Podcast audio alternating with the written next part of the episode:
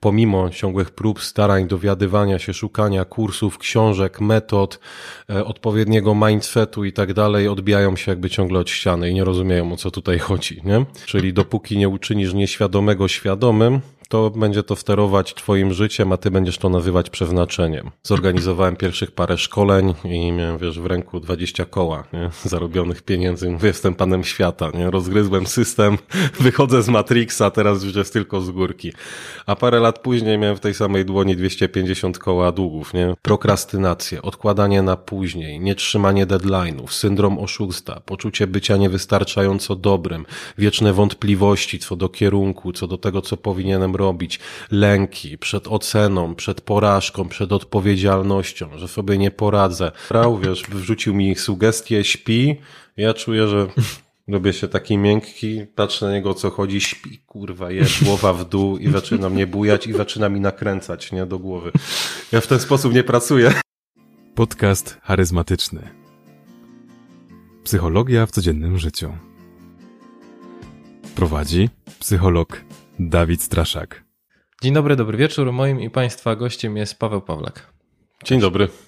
E, Paweł, a szerzej znany jako Wiking z Inner Varsaga. Tak jest.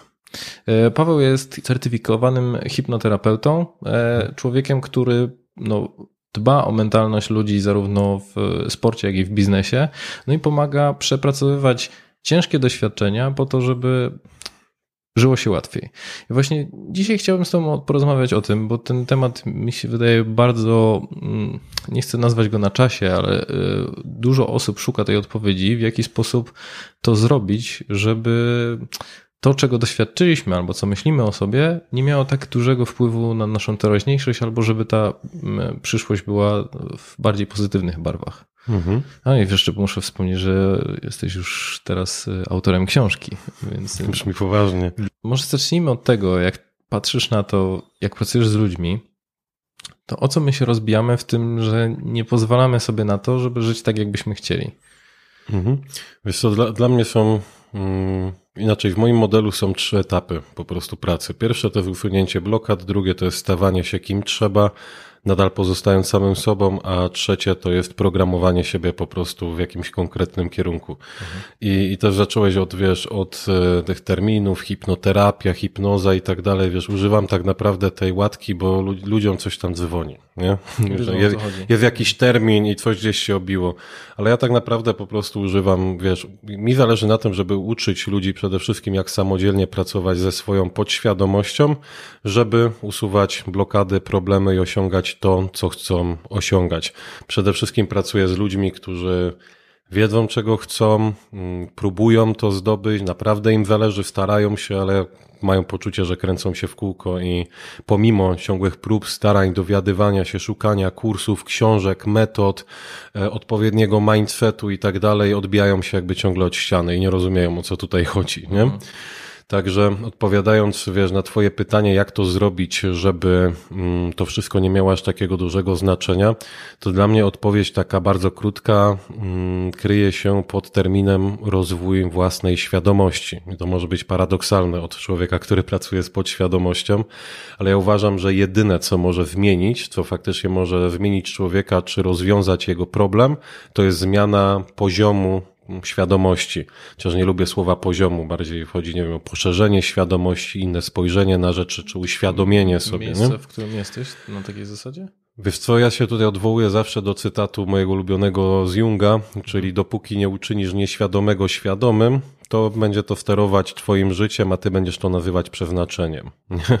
I to jest tak naprawdę chyba najmądrzejsze, najpotężniejsze zdanie w całym rozwoju osobistym, psychologii, rozwoju duchowym, jakimkolwiek, jakiejkolwiek, e, wiesz, dziedzinie pokrewnej do tego wszystkiego, jeżeli naprawdę się rozumie, co to znaczy. Więc żeby odpowiedzieć w sposób bardziej rozbudowany na to pytanie, to Może opowiem skąd to się w ogóle wzięło, że ja się tym zajmuję, bo ja byłem dokładnie takim człowiekiem, jakim mówię i mi się to w pale po prostu nie mieściło. Dlaczego tak jest, że skoro chcę coś robić, to nie mogę się do tego zmusić i z drugiej strony, skoro nie chcę czegoś robić, to dlaczego w kółko popełniam te same błędy? To jest niesamowite, bo nawet mm. jak teraz tak o tym powiedziałeś, to gdzieś to ze mną tak mm. zarezonowało, że rzeczywiście ja to słyszę, nie? Mm. w, w, nawet w gabinecie psychologicznym, czy też mm. mówię wśród znajomych, że oni jakby trochę się wiedzą, czego mhm. by potrzebowali, a jednak nie no ma tak. w tym takiego. Jakby, ja wiem, czego chcę, ale trochę sobie nie pozwalam. I e, to mhm. pojawia się absolutnie na różnych poziomach. Tak, i to wiesz, to prędzej czy później prowadzić się do jakichś takich dziwnych wniosków na zasadzie, może coś ze mną jest nie tak, może jestem niedostatecznie dobry, może jestem za mało zdyscyplinowany, może jestem leniwy, może mam słomiany zapał. Różne metki się nadaje temu zjawisku, ale fakty są takie, że wiesz, że powinieneś się czymś zajmować i się nie zajmujesz. I czemu? I wiesz, wyjaśnieniem, że człowiek jest, nie wiem, wadliwy, nie w pełni doskonały i tak dalej, mi do końca nie pasują. Bo jak sobie tak spojrzysz z boku, to gatunków, które z nami konkurowało było trochę w, naszej, w czasie naszej ewolucji. Jesteśmy tym gatunkiem, który zdominował całą planetę. Jesteśmy gatunkiem myślącym, zbudowaliśmy niesamowitą technologię, zbudowaliśmy sobie niesamowite warunki do życia. I ja mam teraz uwierzyć, że ta potężna, wiesz, bio, biochemiczna maszyna, że ona jest wadliwa i ona mnie sabotuje, ona robi mi na złość. Ty, coś tu jest nie tak. Mhm. I właśnie ten zgrzyt w, w logice, przynajmniej z mojej perspektywy, prowadził mnie cały czas w poszukiwania, o co tutaj tak naprawdę chodzi. Bo ja po prostu nie, nigdy nie kupowałem tego na przykład stwierdzenia, że jest coś takiego jak autosabotaż, nie? Czy że jest strefa komfortu. No bo zobacz, ja siedząc na przykład przed telewizorem i wiedząc, że marnuję swój potencjał, że nie robię rzeczy, które mnie doprowadzą, nie wiem, do fajnego statusu w życiu, do fajnego związku, do fajnego osiągnięć, ja się nie czuję komfortowo. I nikt, kogo pytam, się nie czuje komfortowo na tej kanapie. Nie? Więc czemu my to nazywamy w ogóle strefą komfortu? Myślę, że to takie hmm. słowne próba zobrazowania tego, że hmm. to nie kosztuje wysiłku, żeby w niej być. A mm, ty razy, z tego co rozumiem, to ty nazywasz bardziej komfort yy, i taki mentalny, związany z tym, że ja jednak siedzę, hmm. jestem obsypany tymi chrupkami serowymi i patrzę się mhm. w Netflixa i nic nie robię. I jakby patrząc na siebie z takiego meta poziomu, to trochę mi się to nie podoba, ale, mhm. no, ale jednak tak jest wygodniej. To nie kosztuje mnie tyle wysiłku, co zmiana. Wiesz, dla mnie, dla mnie to było wręcz cierpieniem. Mhm. chcesz opowiedzieć o tym, jak to wyglądało Wiesz u ciebie? Pewnie, Bo... pewnie, że możemy. Wiesz, ja, ja, ja dużo na, na, narobiłem e, brudów w życiu, bo w takim ogromnym skrócie, mm, ja od małego chłopaka czułem gdzieś tam w środku, że stać mnie na coś więcej, że chcę zrobić coś wielkiego. Wiesz, inspirowały mnie historie o wikingach, o wielkich wojownikach, Aleksander Wielki i tak dalej. I Najbardziej bałem się tego zwykłego, takiego szarego życia, nie? że przyjdzie mi po prostu przeżyć życie na zasadzie gdzieś przepracować, zrobić, wiesz, kredyt, spłodzić dziecko e, i potem, wiesz, się oszukiwać, że tak naprawdę piękne jest coś tam i coś tam, a nie to, co całe życie marzyłem, nie? I w końcu się zorientować na emeryturze, że w sumie niczego ciekawego nie zrobiłem, poza jakimś tam wyjazdem na wakacje i żaden, że tak powiem, pomnik po mnie nie pozostał. Mhm. To jako młodego chłopaka, chłopaka mnie przerażało byłem rock'n'rollowcem, marzyłem o tym, żeby zostać gwiazdą rocka i tak dalej. I miałem takie poczucie, że żyję, urodziłem się albo za późno, bo cały świat jest już odkryty, albo za wcześnie, bo jeszcze wiesz, Elon Musk nie zaczął podboju kosmosu i zaczął. pewnie nie zdążę zostać Space Marinesem, mhm. w Warhammerze. E, I to mnie strasznie frustrowało, tym bardziej, że na przykład przeczytałem, że wiesz, w wieku tam dwudziestu paru lat Aleksander Wielki to już władał większością znanego świata i tak dalej. To Mówię, jest wiesz, deprymujące, nie? Tak, a dzisiaj żyję w świecie, w którym ludzie się jarają tym, że ktoś zrobił rewolucyjny telefon, nie? To było dla mnie po prostu, no, o co tu chodzi, nie? Gdzie ja jestem? Chcę, chcę z powrotem, nie? Mhm. Do, z powrotem do, wiesz, do przeszłości, tam gdzie moje miejsce. Także wiedziałem, że chcę czegoś dużego, ale jednocześnie nie miałem pojęcia, co to by mogło być. I tak naprawdę wszystko mnie przerastało. No, za co bym się nie zabrał, to mówię, nie, no nie jestem w stanie tego ogarnąć, nie? Bo nie mam znajomości, bo nie mam czegoś, bo nie mam wiedzy, bo nie mam mnie kto nauczyć i tak dalej, i tak dalej. Ale jak miałem 21 lat czy 20, po tym jak e, rzuciłem studia, po tym jak mnie wyrzucili z pierwszej poważnej pracy za to, że byłem kijowym pracownikiem i potem jak też straciłem swojego ojca, to zacząłem przygodę z przedsiębiorczością. Poznałem na studiach sport, trójbój siłowy, który mnie, który pokochałem totalnie, bo dawał mi siłę. Dzisiaj już wiem jakby z psychologicznego punktu widzenia, co próbowałem sobie zapewnić. I mm, postanowiłem po prostu, że będę, wiesz, najlepszym zawodnikiem trójboju na świecie i stworzę największą, najsilniejszą drużynę trójboju siłowego na świecie. I po pierwszych paru sukcesach bo pamiętam, że mając właśnie te 21 lat, zorganizowałem pierwszych parę szkoleń i miałem, wiesz, w ręku 20 koła, nie? zarobionych mhm. pieniędzy. Mówię, jestem panem świata, nie? rozgryzłem system, wychodzę z Matrixa, teraz już jest tylko z górki. A parę lat później miałem w tej samej dłoni 250 koła długów, nie? Tyle we wezwań okay. do zapłaty.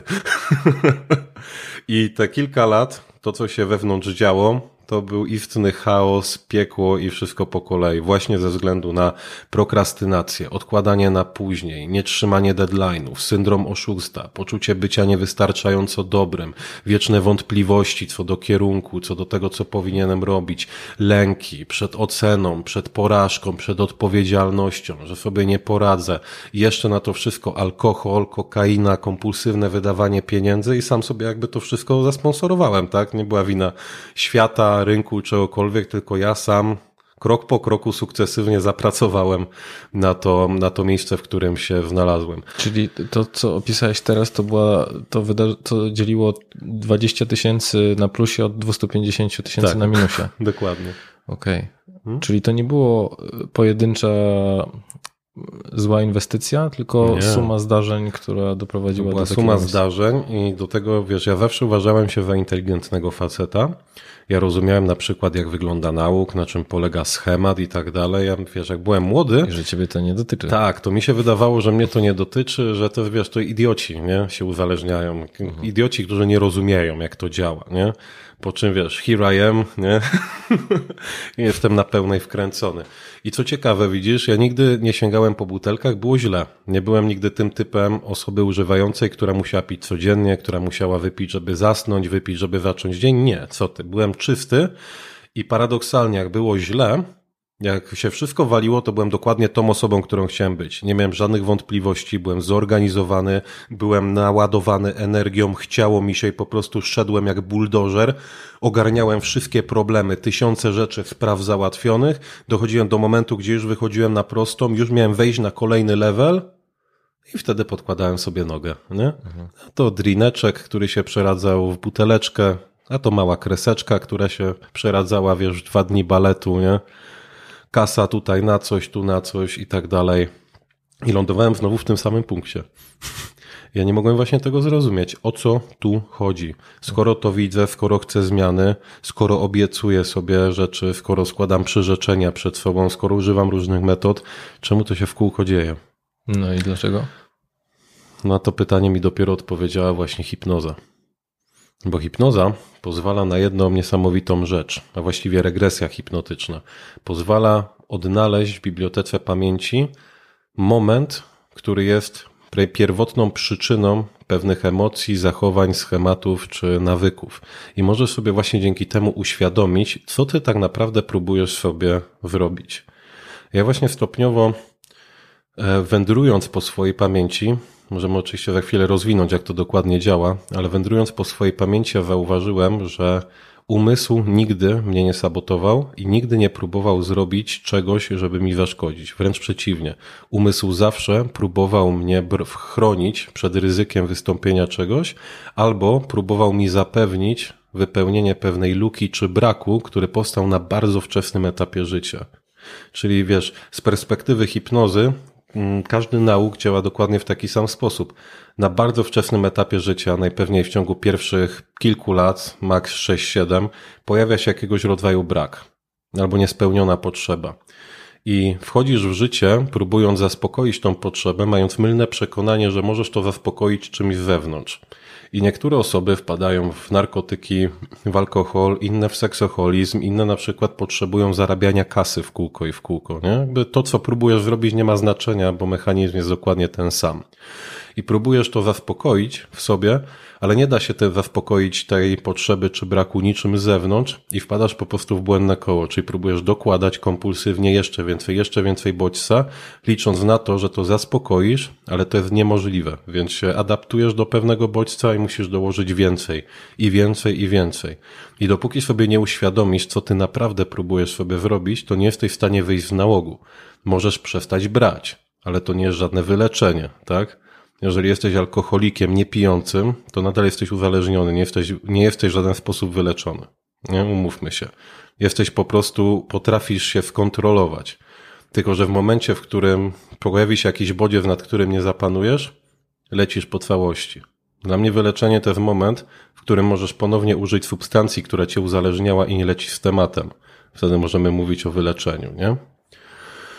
I właśnie pracując z tymi rzeczami, pracując z prokrastynacją, pracując we wszystkimi tymi tematami, które mi nie dawały żyć, nie dawały mi spokoju, odkryłem właśnie, jak to wszystko działa. Zobaczyłem, że umysł zawsze próbuje, zawsze ma pozytywną intencję w tym, co robi, tylko czasami ma to naprawdę destrukcyjne skutki. My to potem nazywamy autodestrukcją, nazywamy to autosabotażem, ale u źródła jest prosta, niezaspokojona potrzeba, która się przeradza albo w niechęć do czegoś, albo w pragnienie czegoś. Czyli zakładasz, że w tamtym momencie umysł bronił cię przed czymś.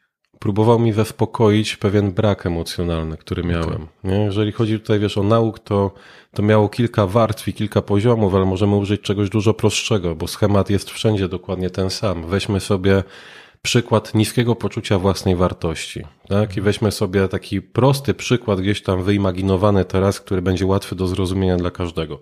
Powiedzmy, że mamy dorosłego faceta około trzydziestki, który czuje się niedostatecznie dobry i wydaje mu się, że nie zasługuje tak naprawdę na sukces, że jest za mały, że raczej sobie nie poradzi, jest taki nie do końca się komfortowo czuje przy ludziach, nie? żeby się na przykład pokazać z czymś, co tworzy. Kiedy weźmiemy go na taką sesję hipnozy i zrobimy regresję, żeby sprawdzić prawdziwą, pierwotną przyczynę jego niskiego poczucia własnej wartości, to możemy tam dotrzeć na przykład do wspomnienia z wczesnej podstawówki. Może się okazać, że ten człowiek pochodził z ubogiego domu i w szkole spotkała go, spotkało go, spotkał się z dokuczaniem ze strony rówieśników, bo był ubrany w dziurawe, brudne rzeczy i tak dalej. Z perspektywy sześciolatka może to świadczyć o jego wartości, tym bardziej, że jego rówieśnicy właśnie w ten sposób się zachowują.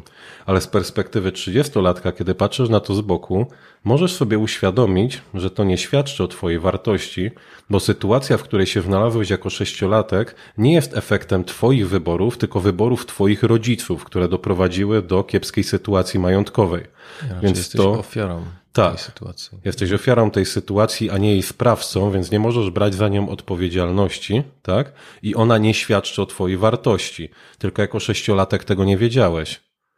Bo skąd no myślę, mogłeś o tym wiedzieć? Jako dorośli możemy tego nie wiedzieć, no bo spójrz na to, że ty mówisz o takim spojrzeniu mocno sprawczym i ta sprawczość w ogóle przemawia przez to, o czym ty mówisz, hmm. czyli, że e, tak jak ja to nazywałem byciem ofiarą tej, jakby tej, tej sytuacji, tego mhm. wszystkiego, co się wydarzyło, no ale z jednej strony my patrzymy często i budujemy właśnie swoje poczucie własnej wartości, czy w ogóle taki obraz samego siebie przez pryzmat tego, w jaki sposób jesteśmy oceniani przez inne mhm. osoby. Mhm. Więc zakładając to, że inni są pewnego rodzaju zwierciadłem, no to naturalnym jest to, że bierzemy to mhm. jako informację z zewnątrz, jacy jesteśmy. Jo. I właśnie tu jest piew pogrzebany, że umysł musi skądś wiedzieć, żeby w ten sposób to oceniać, tak? Coś sprawiło, że się tego nauczyłeś. Mhm. Umysł to jest czysty system, kiedy tutaj przychodzisz. Oczywiście, jeżeli posłuchasz buddystów, to się dowiesz, że system nie jest czysty, bo masz karmę. Jeżeli posłuchasz, wiesz, innych filozofii, religii i tak dalej, one mają różne wersje, ale możemy roboczo założyć, że przynajmniej w większości system jest czysty w momencie, kiedy się rodzisz. I teraz twój system, twój umysł jest, jest jakby oprogramowaniem twojego komputera centralnego, który ma tylko jeden cel, utrzymać cię przy życiu. A jak już utrzyma cię przy życiu, to jeszcze się rozmnożyć. Koniec pieśni. Umysł nie jest po to, żebyś był szczęśliwy, żebyś się realizował, żeby było fajnie, żeby płynęła kaska, żeby było przyjemne życie, żebyś miał sobie dochodzik pasywny zrobiony, tak i tak dalej. Tylko umysł jest po to, żeś przeżył. I teraz przychodzisz tutaj do tego systemu, do tego świata i musisz ogarnąć, jak to zrobić, żeby przeżyć. Jak to zrobić w najprostszy sposób? Po pierwsze, wyciągnąć od rodziców ile się da. No bo skoro rodzice przeżyli do tego momentu, żeby się rozmnożyć, to ich metody, ich schematy postępowania są wystarczające, i to słowo klucz, do przeżycia. A potem łapiesz się różnego rodzaju doświadczeń, które już są w dużej mierze uwarunkowane przez programy rodziców i pogłębiasz pewne programy lub uczysz się paru nowych. I to się dzieje wszystko w okresie wczesnego dzieciństwa, a potem, jak już jesteś dorosły, to tylko powielasz te schematy, które okazały się być już wystarczające. I problem polega na tym, że używasz, widzisz, programów, które zostały nabyte z perspektywy dziecka. Starych narzędzi. Tak, starych narzędzi, które już są prawdopodobnie nieaktualne. Tak jak w naszym przykładzie z ubogą rodziną. Nie? Z perspektywy sześciolatka nie miałeś skąd wyciągnąć innego wzorca, nie miałeś skąd sobie uświadomić, że to wcale tak nie działa i zdążyłeś przez wiele lat już o tym w ogóle zapomnieć, to zeszło sobie na stronę podświadomą i cały czas ten program się odparza, odpalał, odpalał, odpalał, nie? Żeby po prostu utrzymać cię przy życiu. Więc to, że się kurczysz w wieku dorosłym, boisz się podejść do ludzi, czy uważasz, że nie jesteś dostatecznie dobry, żeby, nie wiem, zacząć być kowalem artystycznym i pokazać to światu, to nie jest sabotowanie twojego umysłu, tylko to jest próba ochrony ciebie przed tym, żebyś znowu nie poczuł tego bólu, jaki czułeś jako sześcioletni chłopiec bo wtedy się z ciebie śmiali i to bardzo bolało i płakałeś w kącie i nie było nikogo, kto mógł cię przytulić. I ty to w pamięci masz skojarzone właśnie z pokazywaniem się ludziom. Mhm. Więc nic dziwnego, że w wieku dorosłym boisz się wyjść i tłumaczysz to sobie, racjonalizujesz, okej, okay, jestem taki, że taki owaki nie zasługuje, nie? Bzdura, nigdy taki nie byłeś. I to jest właśnie moment, w którym jeżeli sobie to uświadomisz, to zmienia się twoja świadomość, zmienia się twój poziom świadomości, nie? I to rozwiązuje problem. Bo kiedy przejdziesz przez serię takich wspomnień, wiesz, przejdziesz całą, nie wiem, nazwijmy sobie terapię za pomocą hipnozy, to i wielokrotnie uświadomisz sobie, że nigdy nie chodziło o ciebie, że nigdy z tobą nie było nic nie tak i tak dalej, to nagle zaczynasz to po prostu czuć, że twoje, twoja, twoja wartość jest inna, twoje poczucie własnej wartości się zmienia, twoja pewność siebie jest inna, bo po prostu uświadamiasz sobie, że nigdy nie miałeś powodu, żeby mieć ją zaniżoną. Z tym chłopcem zawsze było okej. Jego rodzice zrobili pewne rzeczy, jego rówieśnicy robili pewne rzeczy, też mieli rodziców i tak dalej. A ten chłopiec był ok. Był taki sam jak każdy inny chłopiec. No. Co jeżeli nie był? W jakim Bo sensie? Myślę o tym, że wiesz, z jednej strony mówisz dużo o kwestii hmm. związanej z takich doświadczeń, które w jakiś sposób nas y, no, trochę blokują i domyślam się, mhm. że to jest ta pierwszy czynnik, o którym wspominałeś, czyli te blokady, mhm. które, które mamy z przeszłości, ale zastanawiam się, że też robimy pewne rzeczy, będąc osobami, to znaczy może inaczej. Już wyjaśnię, co mam na myśli. Mhm. Jest ten sześcioletni chłopak z, nisko, z niskim poczuciem własnej wartości, ale i to poczucie w jakiś sposób wpływa na to, w jaki sposób on funkcjonuje, czyli mhm. jakie podejmuje decyzje. Tak. Czyli na przykład zawsze wybieram gorsze miejsce na WF-ie, nie? Jakby mhm. nie pcham się do projektów y, w, tam z przyrody. Mhm. Y, czy nie, wszyscy sześcioletni też czy chyba nie ma przyrody, no ale mniejsza z tym, no jakby nie zgłasza się na ochotnika, mhm. jakby, czyli te jego zachowania, które są jego, chociaż wynikiem mhm. przeświadczenia o, niskiej, o niskim poczuciu własnej wartości, pokazują mu, że skoro ja się tak zachowuję, to może taki jestem. Czyli on ma kolekcję, bo załóżmy, że on ma 30 lat, czyli przez 24 mhm. lata kolekcjonował zachowania, które mu pokazują, ty się w ten sposób zachowujesz, bo masz niskie poczucie własnej wartości. I mhm. Y, zastanawiam się, jak rozpatrujesz kwestię związaną z tym, że jednak to jest potężna baza zachowań, przemyśleń, takich wniosków na temat samego siebie i w ogóle świata, mhm. które są e, przytłaczające. Miałeś kiedyś takie wydarzenie w swoim życiu, że na przykład w jednej chwili cała wizja kogo, jakiejś osoby, którą znasz, padła, legła w gruzach? O, stary, to jest 75 odcinek podcastu, to mhm. tak, zdecydowanie. Czyli zobacz, miałeś wieloletnią relację, wiele mhm. lat wydarzeń, które potwierdzały to, że ktoś jest jakiś, mhm. i pod wpływem jednego wydarzenia to wszystko padło, i nagle przyjrzałeś na oczy i zobaczyłeś, że byłeś w iluzji, prawda? Mhm. To samo się dzieje, kiedy dojdziesz do prawdziwego źródła swoich przekonań czy emocji. Ta emocja. Złączysz się inaczej, z Matrixa? Tak, no wypinasz się jakby wiesz z iluzji, w której żyłeś. Kiedy dojdziesz do prawdziwego źródła i uświadomisz sobie to, co jest do uświadomienia, to wszystkie te lata muszą paść jak domek z kart, bo tutaj działa efekt motyla. Jedno małe wydarzenie sprawiło właśnie, że potem była kaskada dwudziestu paru lat potwierdzania sobie, że jestem jakiś i już zapomniałeś, z czego to wynika, przyjąłeś to jako twoją rzeczywistość i przyjąłeś ten obraz siebie jako twój prawdziwy. I Mhm. kiedy zobaczysz źródło, to to musi się rozsypać jak domek z kart. Ale tak naprawdę cały czas czujesz, że coś jest nie tak, Mhm. że coś nie gra. Nie? To trochę tak jak nawiązujemy do tego, o czym wspominałeś, że miałeś poczucie, że jakbyś sobie nie pozwalał na wejście na ten wyższy poziom. Mhm. To jakie jeszcze blokady ludzie mają, które uniemożliwiają to, żeby się rozwinąć? Wiesz co, Buddha rozpisał 86 tysięcy bodaj tego typu programów mentalnych. Mhm. I to było 2,5 tysiąca lat temu. Mogło dojść nam kilka. Okay. Chociaż Jeżeli ty byś tak wiesz z twojego doświadczenia. ja właśnie chciałem uprościć, nie? No. Bo Nie, ma, nie wiem, czy nam starczy czasu na Tak. 86 tysięcy. Chciałem, chciałem, wiesz, jakby pokazać skalę, bo co człowiek to jest historia, natomiast ja wierzę, że można to wprowadzić do trzech e, rzeczy. Mm, Lęk, przekonanie, schemat. To są rzeczy, które blokują. Co można myśleć, mówiąc, rozwiniesz mm, tak? To mogą być albo lęki, czyli boję się czegoś, albo jakieś przekonania, czyli jestem jakiś lub świat jest jakiś, albo schematy, które po prostu powielasz bezwiednie, schemat zaczerpnięty, nie wiem, od rodziców, czy wyuczony na jakimś tam etapie, etapie w życiu. I, i te, w, Czyli schemat jest taki, że w naszej rodzinie pracuje się fizycznie i wszyscy tak Mhm. robimy. tak, Okay. no, albo nie wiem, miałem na przykład, hmm, czy jakiś taki fajny, typowy schemat, żeby wyciągnąć z głowy. Już kurczę, tyle tych sesji wiesz, zrobiłem, że paradoksalnie zacząłem dużo gorzej pamiętać te sesje. Na, na początku wszystkie miałem w głowie pokatalogowane, bo to było takie wow, nie, ja, jak to działa w ogóle. Wiesz, ale schemat to jest, może na przykład być pewna cykliczność, która się dzieje w życiu. Czasami te schematy są zakorzenione gdzieś głęboko w rodzie i przenoszone zupełnie nieświadomie. Nawet wiesz, w, w pradziadków na, na ciebie. I takie rzeczy odkryć to już w ogóle jest naprawdę mega ciężko konwencjonalnymi, wiesz, metodami, no bo przypomnij sobie wspomnienie, które nie jest twoje. A za pomocą pracy w transie możesz i to jest niezła jazda, nie? Że No, się wiesz, takie takie, rzeczy przypominają. Rzecz, która przyszła mi do głowy, to to, że ja się stresuję wyciągając pieniądze z bankomatu, bo zawsze moja babcia tak mówiła, że jak masz pieniądze, to nie możesz ich pokazywać publicznie. Mhm.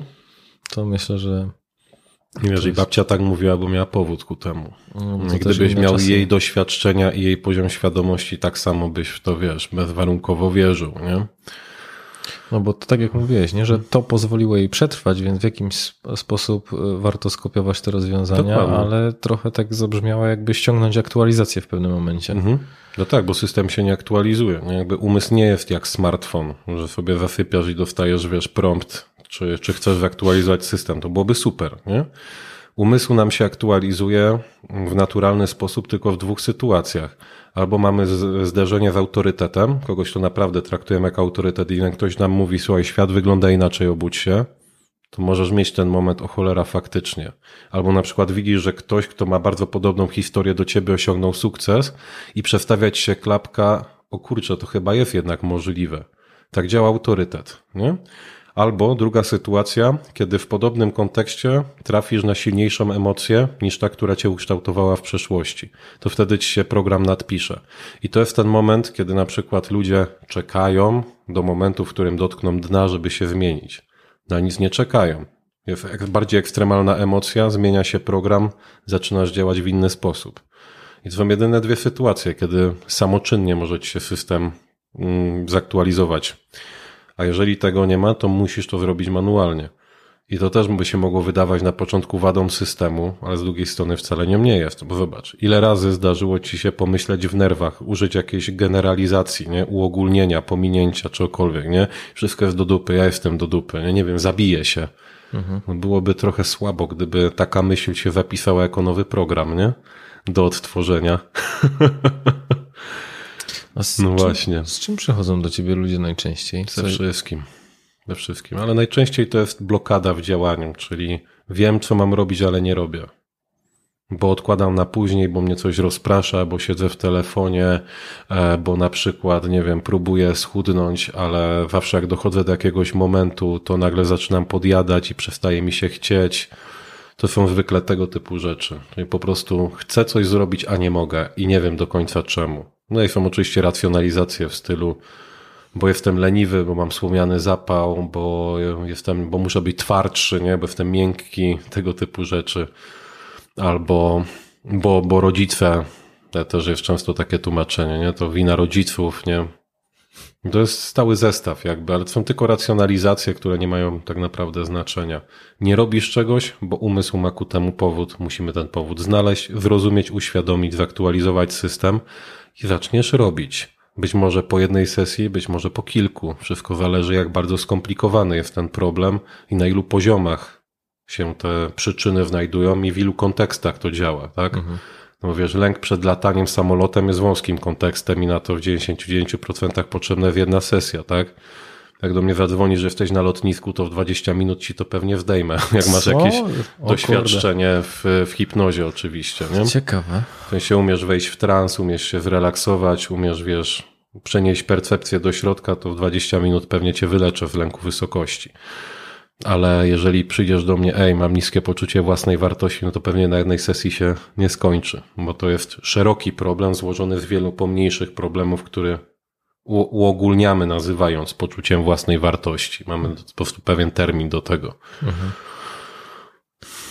To skąd w ogóle pomysł hipnozy? Jak do tego doszło? Wtedy to nazywałem przypadkiem. Mhm. Dzisiaj wiem, że przypadków nie ma, że wszystko jest uwarunkowane właśnie na zasadzie efektu motyla. No po prostu trafiłem na człowieka, który robił hipnozę w takim właśnie najczarniejszym momencie mojego życia, gdzie totalnie sobie nie radziłem i po raz kolejny odgrywałem właśnie ten schemat, że wiesz, wychodziłem na prostą i znowu hajdadana, nie? W melanż i długi. I ja właśnie z tym gościem rozmawiałem i go pytałem, słuchaj, czy to naprawdę tak będzie wyglądać, że do końca życia będę musiał prowadzić tą wewnętrzną wojnę z sobą? Stąd zresztą tytuł książki, Saga mhm. wewnętrznej wojny, nie? Bo ja, mi się totalnie nie podobała ta wizja, że będę musiał do końca życia na siłę utrzymywać dyscyplinę, walczyć ze swoimi, wiesz, demonami, pilnować się, żeby czegoś, wiesz, nie wyrobić i wiecznie pokonywać opór. Mówię sobie, naprawdę, tak działają ludzie, którzy robią high performance, to jest piekło, nie? Ja nie wiem, czy chcę płacić taką cenę za no, wyniki. No, wiesz, z jednej strony myślę sobie, że ty jesteś niesamowicie świadomy, że potrafiłeś dostrzec w ogóle te schematy, mm je tak konkretnie nazwać, bo tak jak to opisujesz, to ja mam takie wrażenie, jakby ciebie było dwóch. Hmm. Ten, który potrafi działać i ten, który wszystko niszczy.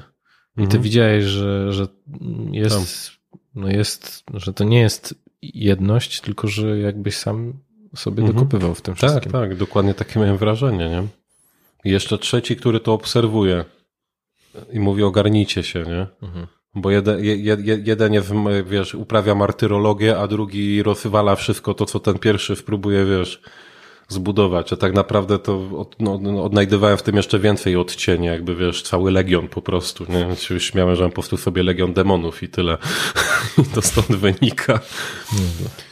No ale e, kontynuując wątek, Pytam go, czy tak naprawdę to będzie wyglądać. On mówi, nie, słuchaj, można to zrobić w inny sposób, nie? Ustawił mi dwa krzesła obok siebie, mówi, siadaj, będziesz hipnotyzowany. Ja mówię, co będę?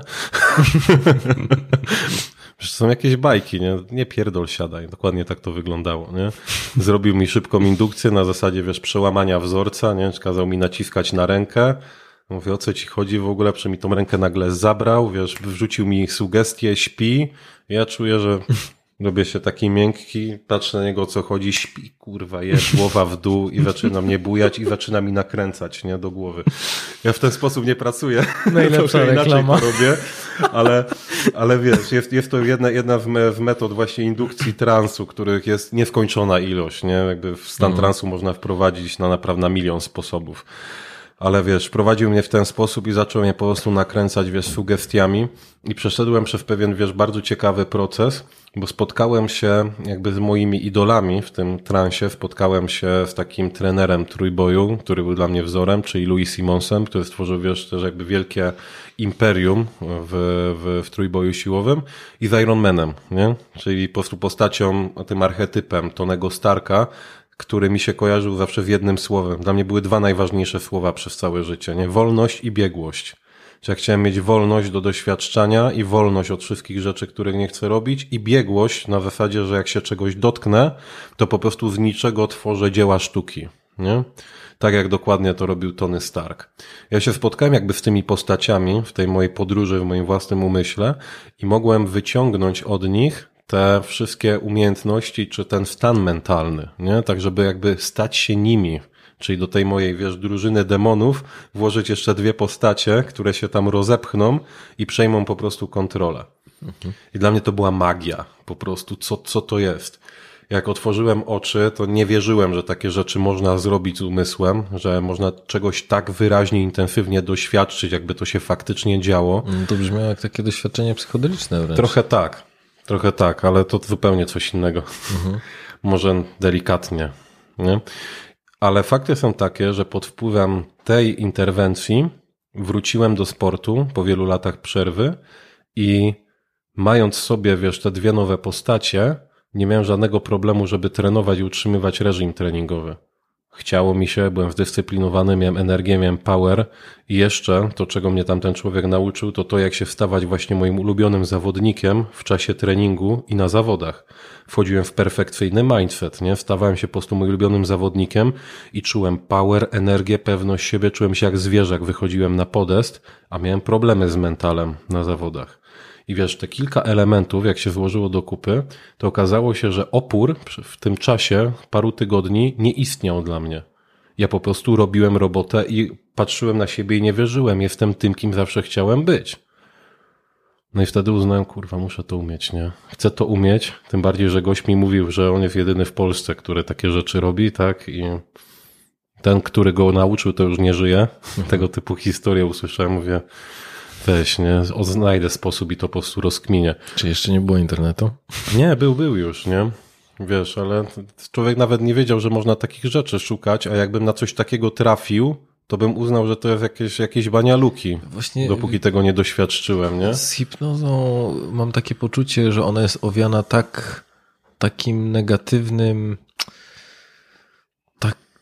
taką rozrywkowatością, cyrkowatością właśnie, że ją się często wyko- wy- wykorzystuje do takiego, do, do za, zabawy, nie? Za, zabawienia ludzi, że to teraz tam, nie wiem, kumka jak żaba i da się to zrobić, żeby poważni ludzie w garniturach yy, w ten sposób funkcjonowali. Tylko z osobą, która jest nieświadoma, jak działa hipnoza. Z nieświadomą? Tak. Tobie bym tego nie zrobił, choćbym na głowie stanął. Okej. Ciekawe założenie. To był komplement. Dziękuję. E, No a z drugiej strony okazuje się, że hipnoza jest jednym z najbardziej przebadanych nurtów terapeutycznych. Mhm. I wiesz, mało się o tym mówi. No, bo to jest, to jest jakby działanie w zupełnie inny sposób niż to znamy w naszej kulturze. Bo jeżeli pogadasz z buddystą, to dla niego to nie jest coś niesamowitego, nie? Hipnoza. Oni to nazywają inaczej. To jest głęboka medytacja i tyle. Wiesz, myślę, że to brzmi też jak droga na skróty. Mhm. Nie? Że jak już się ma więcej niż 15 lat, to widzi się, że większość rzeczy w swoim życiu jest ukupiona wysiłkiem. Mhm. Że nawet jeżeli wygrasz na loterii pieniądze, no to badania jasno pokazują, że ci ludzie, którzy stracisz. wygrają, to raczej kończą w tym samym miejscu albo, albo gorzej. Że raczej w ludziach nie ma takiego przekonania, że coś można zrobić bezwysiłkowo, to znaczy, że o, to jest, mam wrażenie, że takie e, wykluczające się, że z jednej strony my szukamy tych rozwiązań magicznej pig- pigułki, które wiesz, raz weźmiesz i, i wszystko jest załatwione poza mną, ale z drugiej strony, kiedy ktoś ci mówi, że ma taką pigułkę albo narzędzie, albo sposób do tego, to jest olbrzymia niepewność. Mhm. Że, czy może taki brak przekonania, że to w ogóle mogłoby mm, jakby się wydarzyć. I wiesz, we mnie też cały czas jest takie, ja nigdy nie, nie, nie byłem w żadnym terapii hipnotycznej, chyba coraz bardziej się do tego przekonuję, ale jest we mnie taki niepokój związany z takim hmm, no ta niepewność związana z tym, że to brzmi zbyt dobrze. No bo to brzmi, brzmi zbyt dobrze i to nie jest żadna droga na skróty. Nie? To, jest doskonały wątek, żeby go rozwinąć. Kiedyś myślałem, że to jest droga na skróty, bo temat sportu tak był zrobiony. Te dwie sesje, które wtedy miałem, sprawiły, że do dzisiaj mam to, już kiedy trenuję. nie? Czyli Ja już jakby straciłem potrzebę kon kon konkurowania w sporcie i totalnie się pochłonąłem pracy z umysłem, budowaniu firmy i tak dalej, więc już nie jestem zawodnikiem i nie dbam, wiesz, o swoją formę, ale dopóki to robiłem, miałem kosmiczny mindset. Ja byłem, wiesz, że byłem zawodowcem nagle. Ale na przykład tematy związane z nałogami, z prokrastynacją, one nie były tak proste do rozwiązania. Jest pewna pułapka w hipnozie, bo też kiedyś czytałem taką metaanalizę, że najbardziej egotyczni z terapeutów to są właśnie ci, którzy się zajmują hipnozą, bo masz to poczucie, że wiesz, masz power I w to rękach, jest nie? to. I to jest dokładnie Mhm. to, o czym mówisz, że to jeszcze bym dołożył do tego koszyka hipnoterapeutów, Mhm. że tych, których spotykam, no mają taki wzorzec, że oni wiedzą najlepiej. Tak. Mhm. Że rzeczywiście jest to coś takiego niepokojącego, a za każdym razem kojarzy to się z takim odpustowym sprzedawcą. Mhm. Że ja panu tak znajdę, że pan będzie zadowolony. Mhm. I Ja. jeżeli mówi ktoś to z taką super dużą dozą pewności, to, to może być takie, że budzi jakiś, jakiś niepokój. Dla mnie, wiesz, z hipnozą jest jak z tym powiedzeniem, wiesz, podróże uczą, nie? Uczą wykształconych. Nie? Czyli hipnoza robi cuda u osoby gotowej na to, żeby się cuda zadziały. I wiesz, kiedyś miałem takie przekonanie, jak zaczynałem, jak byłem świeżakiem, nie? Wiesz, przychodzi do mnie człowiek i mówi, że w pięć lat w terapii, nie? I że nie poszedł do przodu. Ja robię z nim sesję i po jednej sesji problem znika. I mam pewien błąd poznawczy, nie? Aha, czyli pięć lat terapii gówno dało, a ja jedną sesją, ja, Cudotwórca. ja, wiesz, mało lat po prostu. To znowu świat stoi przede mną otworem. Tylko, że może jednak ciąg przyczynowo-skutkowy to jest taki, że dzięki pięciu latom pracy i uświadamiania i budowania kontaktu ze swoimi emocjami ten człowiek stał się gotowy na dotknięcie prawdziwej, pierwotnej przyczyny, do której nie był w stanie sięgnąć za pomocą konwencjonalnej terapii, ale ona go przygotowała i kiedy wszedł tam, gdzie trzeba, to był w stanie zrobić robotę faktycznie, która normalnie zajęłaby mu kolejne parę lat. 100% No. się zgadzam i myślę, że to się jakby pojawia na wielu różnych obszarach Mhm. naszego życia, że często my mówimy o tym, y, że 5 lat i nic i dopiero na, w ostatnim momencie za, Mhm. zaczęło coś działać. I to już nawet mm, tak odstawiając tą terapię na bok, ale myślę, że wiesz, w kontekście jakiejś karier, mm, nie wiem, Mhm. czy- no chyba karierowe i takie sportowe rzeczy y, mocno y, są takie widoczne, bo tam można się rozliczyć z tych rezultatów Mhm. I, i bardzo się zgadzam z tym, co powiedziałeś, że można powiedzieć, że te lata doprowadzają cię do tego, żebyś ty był gotów na to, żeby Mhm. Skorzystać z tego uśmiechu losu albo szczęścia, Tak. e, żeby je wykorzystać.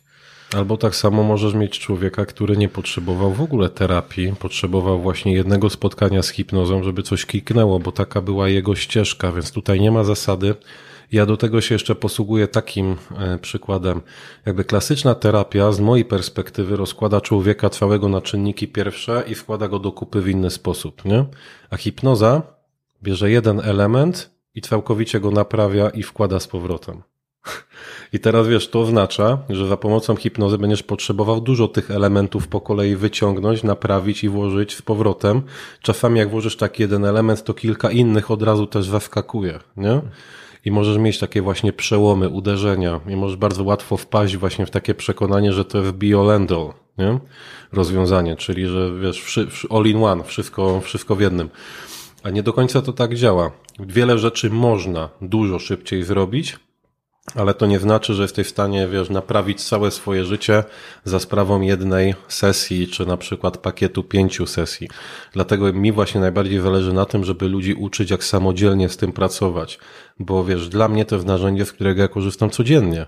To nie jest tak, że zrobiłem parę sesji w przeszłości i teraz jest zajebiście, nie? Wychodzi mi biznes, jestem pewny siebie i wszystko mi się chce i jest super, tylko to jest ciągła praca. Bo teraz zobacz, nawet w prostej logiki, jeżeli wchodzi, idziesz ścieżką rozwoju, chcesz się rozwijać, nie wiem, w biznesie, w sporcie, czymkolwiek, to będziesz trafiać na kolejne coraz to nowe bodźce, których wcześniej nie było. Tak? I twój umysł, w myśl zasady, którą już znamy, musi wykminić, jak się zachować wobec tych bodźców, czy będzie przeszukiwać bibliotekę wspomnień, budować, wiesz, punkt odniesienia, będzie decydować, że tego się trzeba bać, tutaj trzeba się wycofać, od tego unikać i tak dalej. Będziesz co chwila z nowymi rzeczami pracował. Te okresy spokoju są coraz dłuższe, nawroty różnych rzeczy, czy pojawianie się nowych programów jest coraz mniej dotkliwe, bo się coraz bardziej rozwijasz, masz coraz większy dystans do tego i po prostu na coraz większym luzie z tym wszystkim pracujesz, aż w końcu budujesz takie przeświadczenie, że tak naprawdę patrząc z wyższej perspektywy, wszystkie rzeczy, które się działy w Twoim życiu, wszystkie Twoje tak zwane porażki, wszystkie Twoje dotknięcia dna i tak dalej, były tylko elementem budowania tego miejsca, w którym teraz jesteś, a jesteś w dobrym miejscu i każda kolejna wywrotka będzie dokładnie tym samym, jest czymś, co daje Ci doświadczenie, dzięki któremu będziesz w stanie coś odkryć sobie, coś zrozumieć, uświadomić, wbudować i zaprowadzić się to w jeszcze lepsze miejsce. Więc masz luz, jak któregoś dnia wstajesz i ci się nie chce, to tylko patrzysz na to, że ci się nie chce i idziesz sobie dalej, bo wiesz, że to ci się poskłada wszystko do kupy i zajmie to może godzinę, a może pięć lat kolejnych, nie? Ale już masz te doświadczenia. Chyba Churchill powiedział, że tak naprawdę porażka, jeżeli można by ją traktować w ten sposób, że porażka to jest ochrona przed jeszcze większą porażką, która mia, ma, miałaby się wydarzyć, gdyby. Mhm. Y, mam prośbę. Jeżeli mój podcast w jakikolwiek sposób Ci pomógł, to chciałem Cię prosić o przysługę. Jeżeli oglądasz go na YouTubie, to będę wdzięczny za subskrypcję, komentarz lub łapkę w górę. Jeżeli słuchasz na Spotify, to za ocenę podcastu lub obserwowanie. Dla ciebie to dosłownie chwila, a mi pomoże docierać do coraz większej grupy osób i być może trafić do kogoś, kto akurat tego materiału potrzebuje oraz prężniej rozwijać ten projekt. Z góry dziękuję. E, więc wiesz, jeżeli by się udało, to wtedy mogłoby cię spotkać coś rzeczywiście o wiele gorszego, więc mhm. możliwe, że te porażki w jakiś sposób nas rzeczywiście przygotowują do tego, żeby no żeby być mhm. coraz bardziej odpornym. Też tego doświadczyłem na przykład, wiesz, zadawałem sobie pytanie wielokrotnie, dlaczego wcześniej nie trafiłem na hipnozę, dlaczego wcześniej się nie odblokowałem i wiesz, zadałem sobie to pytanie pracując w transie, wiesz, zamknąłem oczy i patrzę, nie, mówię, dobra, symulację poproszę w mojej głowie. Mam 21 lat i mam narzędzie, które mam teraz i mogę sobie ściągać swoje lęki, mogę decydować o tym, jak się czuję, mam dzisiejsze zrozumienie natury umysłu i wszystkiego po kolei, jak to działa.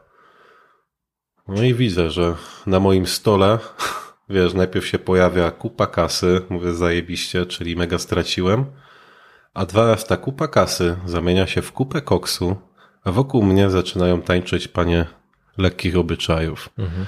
Aha, Czyli tylko mi się wydawało, że byłbym ogarnięty. I wiesz, patrzę na to z boku, wiesz, odcinam się od ego, w sensie nie patrzę przez pryzmat ego, nie oceniam, tylko patrzę, co się dzieje, nie? Co mi umysł podpowiada. I ten język symboli mi pokazał, że gdybym na tamtym poziomie świadomości dostał te narzędzia, faktycznie odbiłbym się mega w górę, ale nie udźwignąłbym tego. I tak jak właśnie mówisz o tym, tak to Churchill powiedział, wpakowałbym się w jeszcze większe problemy, pomimo posiadania niesamowitych narzędzi.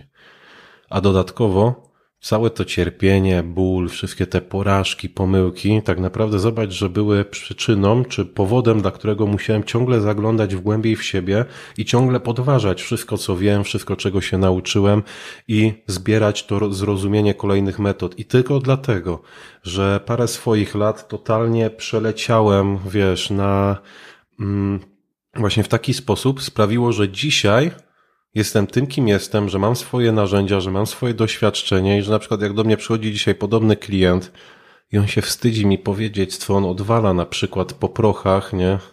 Ja mówię, chłopie, tylko tyle, stary. Rozgość się, słuchaj, robiłem to, to, to i to, możesz ze mną o tym spokojnie gadać, czujesz się tak, a tak, to działa tak, a tak, widzisz to, o faktycznie, no, no, no, no to słuchaj, robimy w tym to i to, prawdopodobnie to jeszcze nie jest koniec przygody, nie? bo będzie się mogło dziać to i to, na takie, na takie myśli musi zwracać uwagę i jesteśmy w stanie ogarniać rzeczy, nie?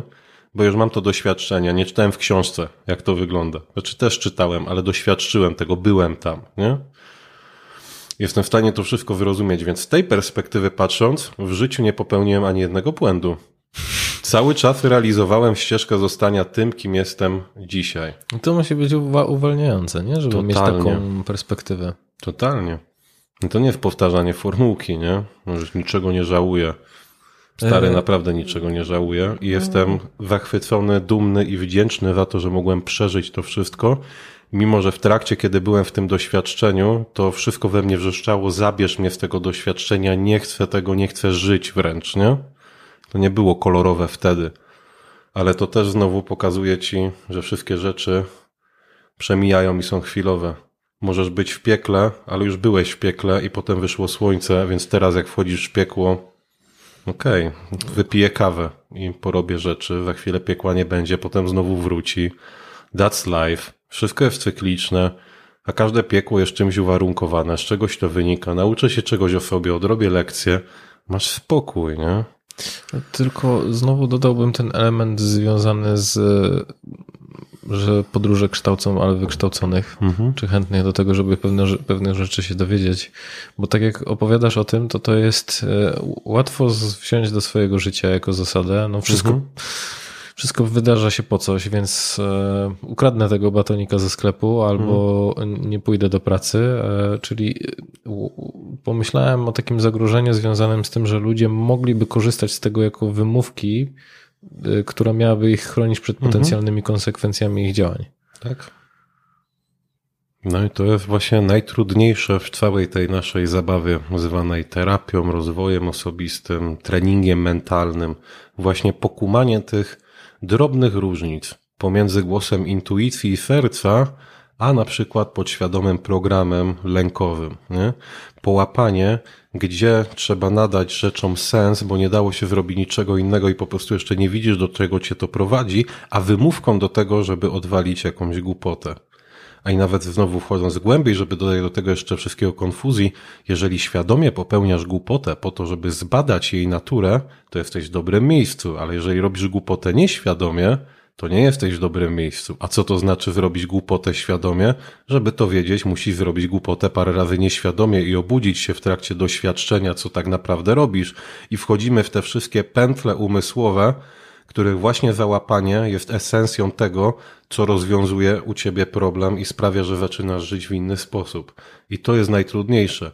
Umysł w trybie domyślnym szuka kolejnej magicznej metody szuka kolejnej Magic Pill, czy szuka konkretnego zestawu czynności, które masz po prostu wykonać, żeby było dobrze, a tak naprawdę zestaw czynności jest drugorzędny. Pytanie, kto wykonuje te czynności, z jakiego poziomu świadomości to robi i na co zwraca uwagę bo ja to często nawet totalnie upraszczam i ogólniam. Jeżeli wiesz, co robisz, to możesz stukać dwoma kijkami o siebie i to też będzie dla ciebie doskonała terapia, bo patrząc na naturę tego, co robi umysł w momencie, kiedy stukasz kijkami, dojdziesz do wniosków, które będą ci potrzebne do tego, żeby się ogarnąć. Ale, ale dla większości ludzi to jest bez sensu, nie? Bo no właśnie, jest... bo to jest też takie charakterystyczną rzecz. Nie wiem, czy to będzie widać nie, w tym podcaście, ale od, y, jak, jak się dzwoniliśmy na, na, na wideo rozmowie, to ja poczułem, że w tobie jest taki właśnie rodzaj spokoju i ten rodzaj spokoju jest bardzo charakterystyczny, y, jako czuję w, w rozmowach z ludźmi, którzy są wolni finansowo. Oni mają, oni już nic nie muszą udowadniać. I w tobie jest taki podobny rodzaj spokoju i myślę, że właśnie to jest to jest chyba takie ujmujące, może być ujmujące, że ludzie mhm. właśnie do czegoś takiego chcieli, chcieliby dążyć, bo mam wrażenie, że dużo jest teraz takiej nerwowości, spiny, chęci dążenia do czegoś, mhm. ale w tym takim w takim zero-jedynkowym patrzeniu, że jeżeli ja tego nie będę miał, to po mnie. Mhm. A u ciebie mam wrażenie, że cokolwiek by się nie wydarzyło, no to. Ja też tam byłem, nie? W tamtym miejscu, że jak, te, jak to, to po mnie. Albo jak czegoś nie zrobię, to po mnie. Także to doskonale rozumiem, nie? jak to działa. Ale nawet kiedy to odczuwasz, to jest to doskonała okazja, żeby przyjrzeć się temu, co naprawdę odczuwasz i zrozumieć naturę swoich lęków. Zrozumieć, że to jest projekcja, która z czegoś wynika. To jest twoje, twoja wizja świata. Dla mnie na przykład takim po prostu mózgołamaczem było, nie pamiętam, czy gdzieś to przeczytałem, czy ktoś mi to powiedział, ale zdałem sobie sprawę, że ja, ten Paweł, ten wiking, istnieje tylko w mojej głowie. Co, co masz na myśli? Nigdzie poza mną, poza moim własnym umysłem nie ma, moj, nie ma mnie. Bo kiedy ty patrzysz na mnie, widzisz inną osobę niż ja sobie wyobrażam, że nią jestem. Niż tą osobę, którą ja widzę patrząc w lustro. Paweł Pawlak istnieje tylko w mojej głowie. Ty patrzysz na inną osobę. Ty możesz sobie tylko wyobrazić, jak to jest być mną. I wyobrażasz to sobie przez pryzmat swoich doświadczeń. I tak każda osoba, którą spotykam, również nie wie, kim ja jestem, tylko ma pewną wizję siebie. Jeden mnie kocha, drugi mnie nienawidzi, trzeci mnie ocenia jak jakiegoś przygłupa wydzieranego, a czwarty podziwia, że chciałby mieć taką odwagę. Jeden myśli, że jestem spokojny, drugi myśli, że udaje, trzeci myśli, że się popisuje tym spokojem. Mhm. Nigdzie indziej poza moją głową nie istnieje ja. Mhm. Cały świat jest naszą własną projekcją w tym sensie. I te wiesz, wschodnie systemy o tym mówią, tłuką to od wielu tysięcy lat, tylko że bierzemy to bardzo dosłownie, nie? że świat jest iluzją, to co, to oni myślą, że to nie istnieje. W pewnym sensie istnieje, w pewnym sensie nie istnieje. To rozumiem, że mówisz o takiej neut- neutralności świata i ciebie? To Tak. znaczy, że on jest, a to ty nadajesz znaczenie. Dokładnie. Nie widzisz, wiesz, nie widzisz natury samych zjawisk, tylko widzisz swoją interpretację zjawisk. No co to jest? To jest zlepek atomów, który ma nadane, ma nadaną ideę w umyśle, że jest kubkiem, tak? A kubek służy do picia, a picie jest tym a tym. To jest zestaw skojarzeń i konceptów, które wytworzył umysł. Nie patrzysz na obiektywną rzeczywistość. Patrzysz na swoją ideę. I teraz przenieść to na tak kompleksowy twór jak człowiek. I na wszystkie te rzeczy, które się dzieją pomiędzy nami, na właśnie temat finansowej niezależności, na temat tego, co jest bezpieczne, a co jest niebezpieczne, na temat tego, co w życiu jest możliwe, a co nie jest możliwe. To są wszystko kreacje umysłu, tworzone z poziomu naszych wcześniejszych doświadczeń, z czego większość tych doświadczeń jest tak naprawdę doświadczeniami naszych rodziców, nieświadomie przekazanych na, na nas, a one są ich rodziców i ich rodziców i tak dalej, i tak dalej, i tak dalej. Ile jest ciebie w tobie tak naprawdę? A idąc za tym dalej, dlaczego miałbyś tak na poważnie brać wszystko to, co się pojawia w twojej głowie, tak naprawdę w większości nie jest wcale twoje. I to najczęściej się właśnie tego boimy, kiedy jesteśmy w tym stanie, wiesz, napięcia, przerażenia, frustracji, złości na innych ludzi, się złościsz na swoją własną projekcję i nie zdajesz sobie z tego sprawy. I to w tym sensie znowu jest trochę tak, że jesteś we swoim śnie, śnisz sobie siebie ze swoimi przekonaniami i lękami i bierzesz to za pewnik i idziesz przez życie, które jest wyśnione i wydaje ci się, że jest rzeczywistością obiektywną. I jesteś w więzieniu, którego nigdy nie było, którego, które nie zbudowałeś sobie samoczynnie, ale w którym też cię nikt tak naprawdę nie trzyma, bo po prostu nie wiesz, że drzwi są otwarte, bo nie wiesz, że w ogóle jesteś we więzieniu. Tak to widzę, nie? Mocne. Niech wsiąknie. Niech wsiąknie. I to moim zdaniem jest moment, w którym się od pewnych rzeczy wyzwalasz. A nie zrobienie paru sesji hipnozy, żeby się zahipnotyzować, żeby czegoś nie czuć, nie? Kiedyś y, to skojarzyło mi się z takim mm, z takim komentarzem na, na jakimś forum czy na Facebooku, mniejsza z tym, że usłyszałem od swojego wujka czy ojca, że gdybym żył w twoich czasach, to bym odniósł sukces. I ktoś od- odpisał, mm, proszę, pisz, od, mm, tak w sumie bardzo trafnie, ale żyjesz w tych czasach. I to trochę mówi o tym, e, jakby sprowadzając to na taki właśnie przyziemny e, poziom, związany z tym, o czym ty mówisz, że trochę tak jakbyśmy sobie czasami nakładali jakieś ograniczenia, które często są w, w, w naszej głowie. Mhm. Ale mówiłeś o tym, że w jakiś sposób mm, o trzech etapach pracy z Mhm. ludźmi y, i domyślam się, że któryś z nich dotyczy tego, jakim człowiekiem ja chciałbym się stać. Mhm. I też mówiłeś o tym, że stałeś się zupełnie inną osobą, albo w sumie może stałeś się dokładnie tą, Mhm. e, e, kt- którą jesteś. To jak wygląda ten proces dochodzenia, kim ja- właściwie chciałbym być? Bo i tutaj też takie, taka druga historia. Kiedyś y, jedna znajoma mi powiedziała, że ona od zawsze chciała być psychologiem. I jak już miała kilka lat, to ona już wiedziała, że, że, że tego Mhm. chce. I tak jak sobie przypominam siebie w wieku pięciu lat, to ja tak ogólnie to nie zbyt dużo wiedziałem na świecie, a co dopiero o takiej pracy psychologa. Mhm. I zastanawiało mnie to, czy, czy to jest rzeczywiście jakaś jej potrzeba, czy to jest jakieś podprogowe wy- wymaganie do tego, że ona powinna się tą osobą stać. No i po tym przydługim wstępie, no mam na, mam na myśli to, że skąd wiedzieć, jaki ja chcę być, a jakie są oczekiwania, żebym ja był. Albo właśnie tak jak mówiłeś, ty to nazwałeś takim powtarzającym się schematem, ja bym to nazwał z takiej perspektywy psychologicznej jakimiś przekazami transgeneracyjnymi. Mhm. To skąd, jak to odróżnić? Wiesz co, ja to nazywam po szamańsku ścieżką serca. Mhm. Czyli po prostu tym głębokim czuciem, które cię przez to wszystko może poprowadzić. To jest uczucie, którego nie da się w niczym pomylić i ciężko je wyrazić słowami. Bo znowu umysł w trybie domyślnym szuka odpowiedzi na pytanie, jak mam zrozumieć, kim jestem, jak mam zrozumieć sens swojego życia, jak mam być pewny tego, co chcę robić.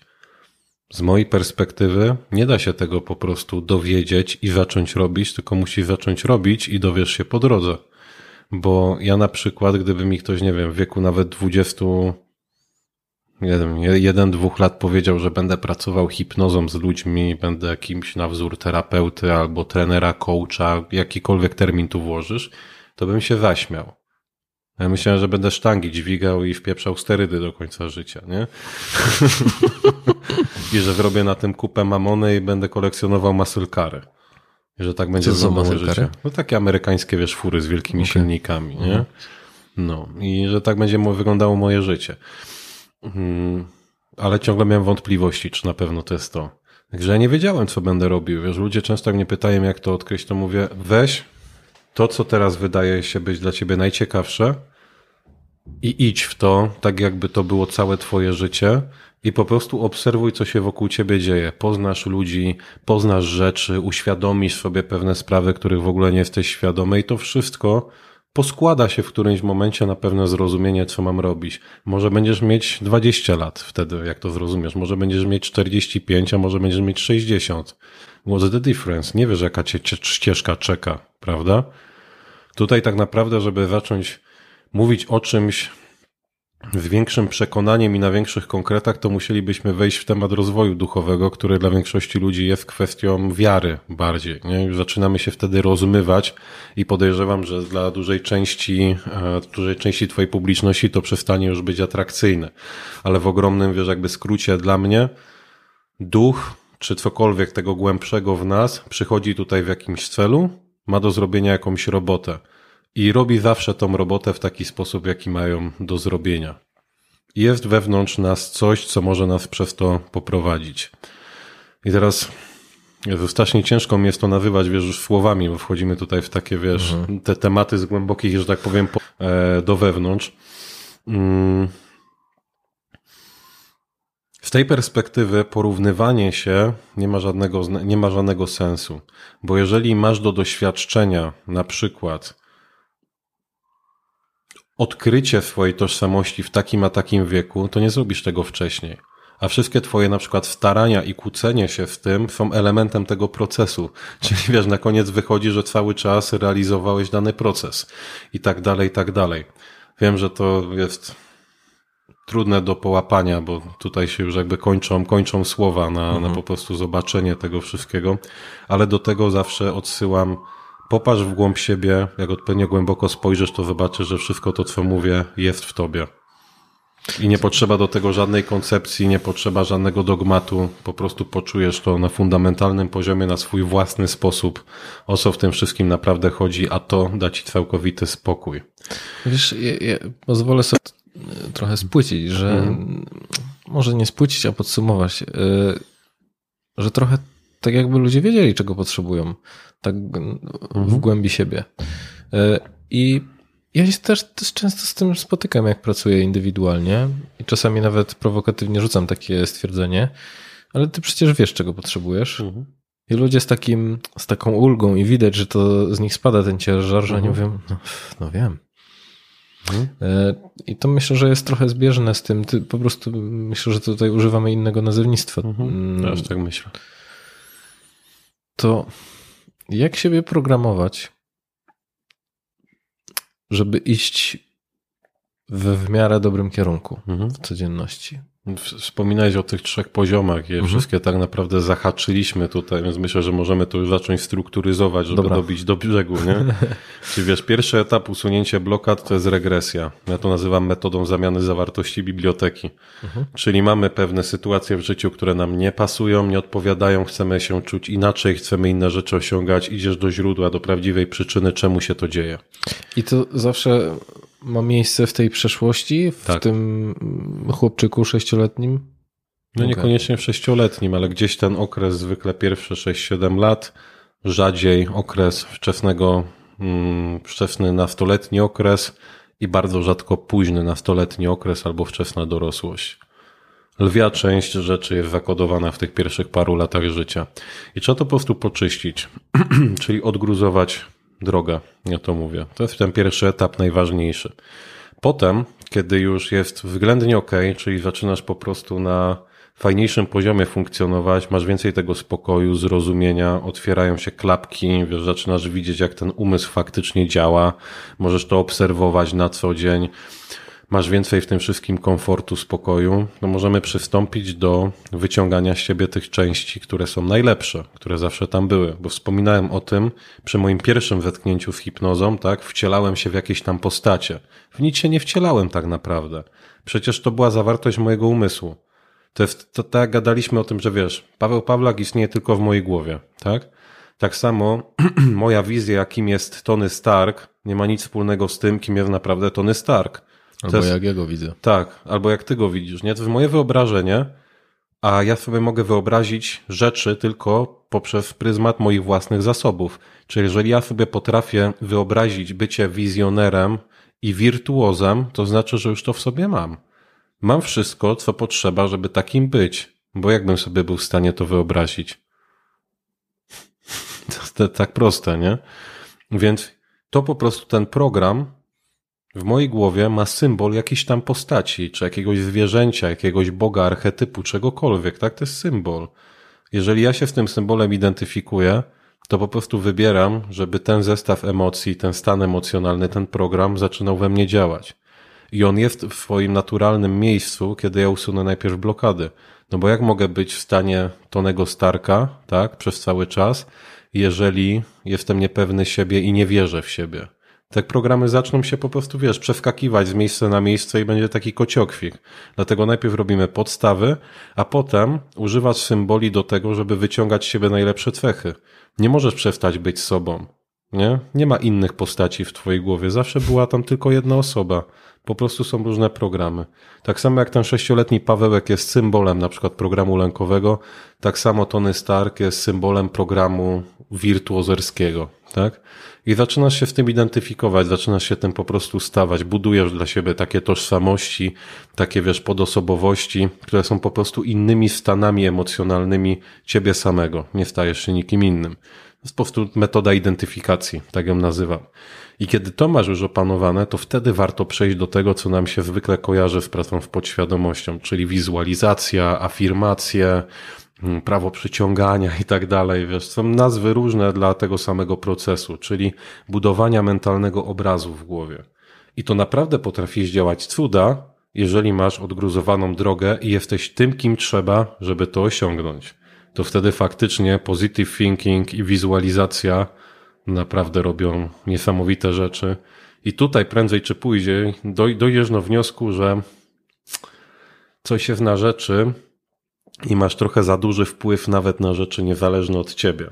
I czemu to się dzieje? Co, co masz na myśli? No na przykład sobie projektujesz w głowie, żeby kogoś poznać i wpadasz na tą osobę, nie? Projektujesz sobie, żebyś miał miejsce parkingowe, jak gdzieś jedziesz i wpadasz na to miejsce. I może oczywiście powiedzieć korelacja bez związku. Tylko jeżeli ta korelacja się dzieje w kółko i w kółko, wciąż i wciąż, to zaczynasz sobie zadawać pytania, czy rzeczywistość faktycznie funkcjonuje tak, jak nas uczyli. A w tym momencie mówisz, wywalone jak naprawdę funkcjonuje, ważne, że działa. Ważne, że jest gdzie zaparkować. Ważne, że jest gdzie zaparkować i ważne, że się pojawiają fajne zbiegi okoliczności, nie? Mhm. A jak się nie pojawiają, to nagle odkrywasz sobie kolejne rzeczy i uczysz się kolejnych rzeczy i znowu się pojawiają i tak dalej. Wiesz, znowu zależy z jakiego poziomu spojrzysz. Można to nazwać statystyką, nie? Kiedyś... a możesz to nazwać prawem przyciągania. Nieważne jest to, jaki masz światopogląd w tym wszystkim, ważne, czy patrzysz na naturę rzeczy, na naturę swojego umysłu, co się dzieje w tym momencie, bo to jest to, co nas rozwija. Nie? I to jest właśnie ten hak. Czy to jest to odpowiedź już na, na, na drugą część pytania, czyli co właściwie robić, nie? Pokazałem metodę, którą ja pracuję. Można o tym więcej przeczytać, czy w książce, czy nauczyć się ode mnie z kursu, czy mówiłem o tym w wielu różnych filmach, ale najważniejsze w całym procesie jest etap, element poznawania siebie. Czyli czy ty używasz narzędzi, czy po prostu idziesz przez życie, obserwuj naturę swojego umysłu, obserwuj, co się naprawdę dzieje. Stań z boku i patrz na każdą emocję. Nie walcz z tym, nie? Nie walcz z lękiem, wejdź w ten lęk i zobacz, czym on jest. Nie walcz ze swoim gniewem, nie próbuj go stłumić nie próbuj go rozładować na kimś. Zatrzymaj się, wejdź do środka tego gniewu i popatrz na niego, czym on jest, z czego wynika, po co naprawdę się odpala, jak działa. Pomyśl po prostu umyśle, jak o maszynie, jak o silniku w aucie, którego rozbierasz na części pierwsze, żeby zrozumieć zasadę jego działania. Bo to, co w trybie domyślnym próbujemy zrobić, to albo kopać w ten silnik, nie? Bo jest uszkodzony i liczymy, że się naprawi, albo od razu najlepiej próbujemy go wyrwać, bo chcemy mieć inny silnik. Tylko, że nie rozumiejąc idei, jak działa silnik, ten kolejny też zatrzesz, bo nie będziesz wiedział, żeby wlać olej do niego, nie? I weźmiesz nowiutki, wspaniały silnik i on za chwilę będzie dokładnie w takim samym stanie, a ty jeszcze stwierdzisz, że to silnik jest gówniany i będziesz w niego kopać znowu, nie? Właśnie coś takiego się dzieje kiedy, kiedy nie wiemy na co tak naprawdę patrzeć. Nie, nie potrzebujesz nowej, nowej super metody czy super narzędzia, tylko potrzebujesz podstawowego treningu, którym jest po prostu introspekcja. Jest takie powiedzenie w e, terapii par, że imię się zmienia, problem pozostaje. To znaczy, mhm, jeżeli tak. ktoś zmienia partnera albo partnerkę i nagle budzi się dokładnie w takiej samej sytuacji jak z mhm. poprzednim i z poprzednim, więc myślę, że to w jakiś sposób y, wiąże się z tym, o czym ty mówiłeś, ale jeszcze też przyszło mi do głowy w kontekście, e, wiesz, afirmowania, wyobrażania sobie pewnych rzeczy. Nie wiem, czy słyszałeś o twórcy Dilberta, jak on e, programował swoją karierę. Mhm. Brał w, e, no i wiesz, afirmacje kojarzą się właśnie z takim mm, tym oderwanym od rzeczywistości światem e, pseudorozwoju i, tak, i tak, coachów. Tak. Fizyka kwantowa, te sprawy. No. Dokładnie. I jest jedna ciekawa rzecz, która mocno przykuła moją uwagę i trochę, hmm. trochę mnie zaciekawiła, ale wstępem jest e, efekt cocktail party. Nie wiem, czy hmm. znasz to określenie? Wiesz co, obiło mi się gdzieś o uszy, pewnie jak powiesz, to mi zaklika, no, co to, to dokładnie. No to chodzi o to, że w momencie, kiedy my jesteśmy w jakimś nie wiem, cocktail party hmm. i ktoś powie nasze imię, no to my mimo całego tego szumu, w którym jesteśmy, to jesteśmy w stanie od razu wychwycić o, mhm. że ktoś nazwał. Nie tak samo na zatłoczonej ulicy albo y, słowa, które są dla nas ważne, w jakiś sposób y, no, się przebijają przez ten cały jakby taki mhm. Hmm, nie wiem, motłoch. No i y, ten człowiek, który rysował Dilberta, mówił o tym, że on w taki sposób podchodził do swojej kariery, że miał jakieś pe pewne określone zdanie, które sobie powtarzał, że chciałby być tam chyba najlepszym rysownikiem mhm. E, w, w Stanach.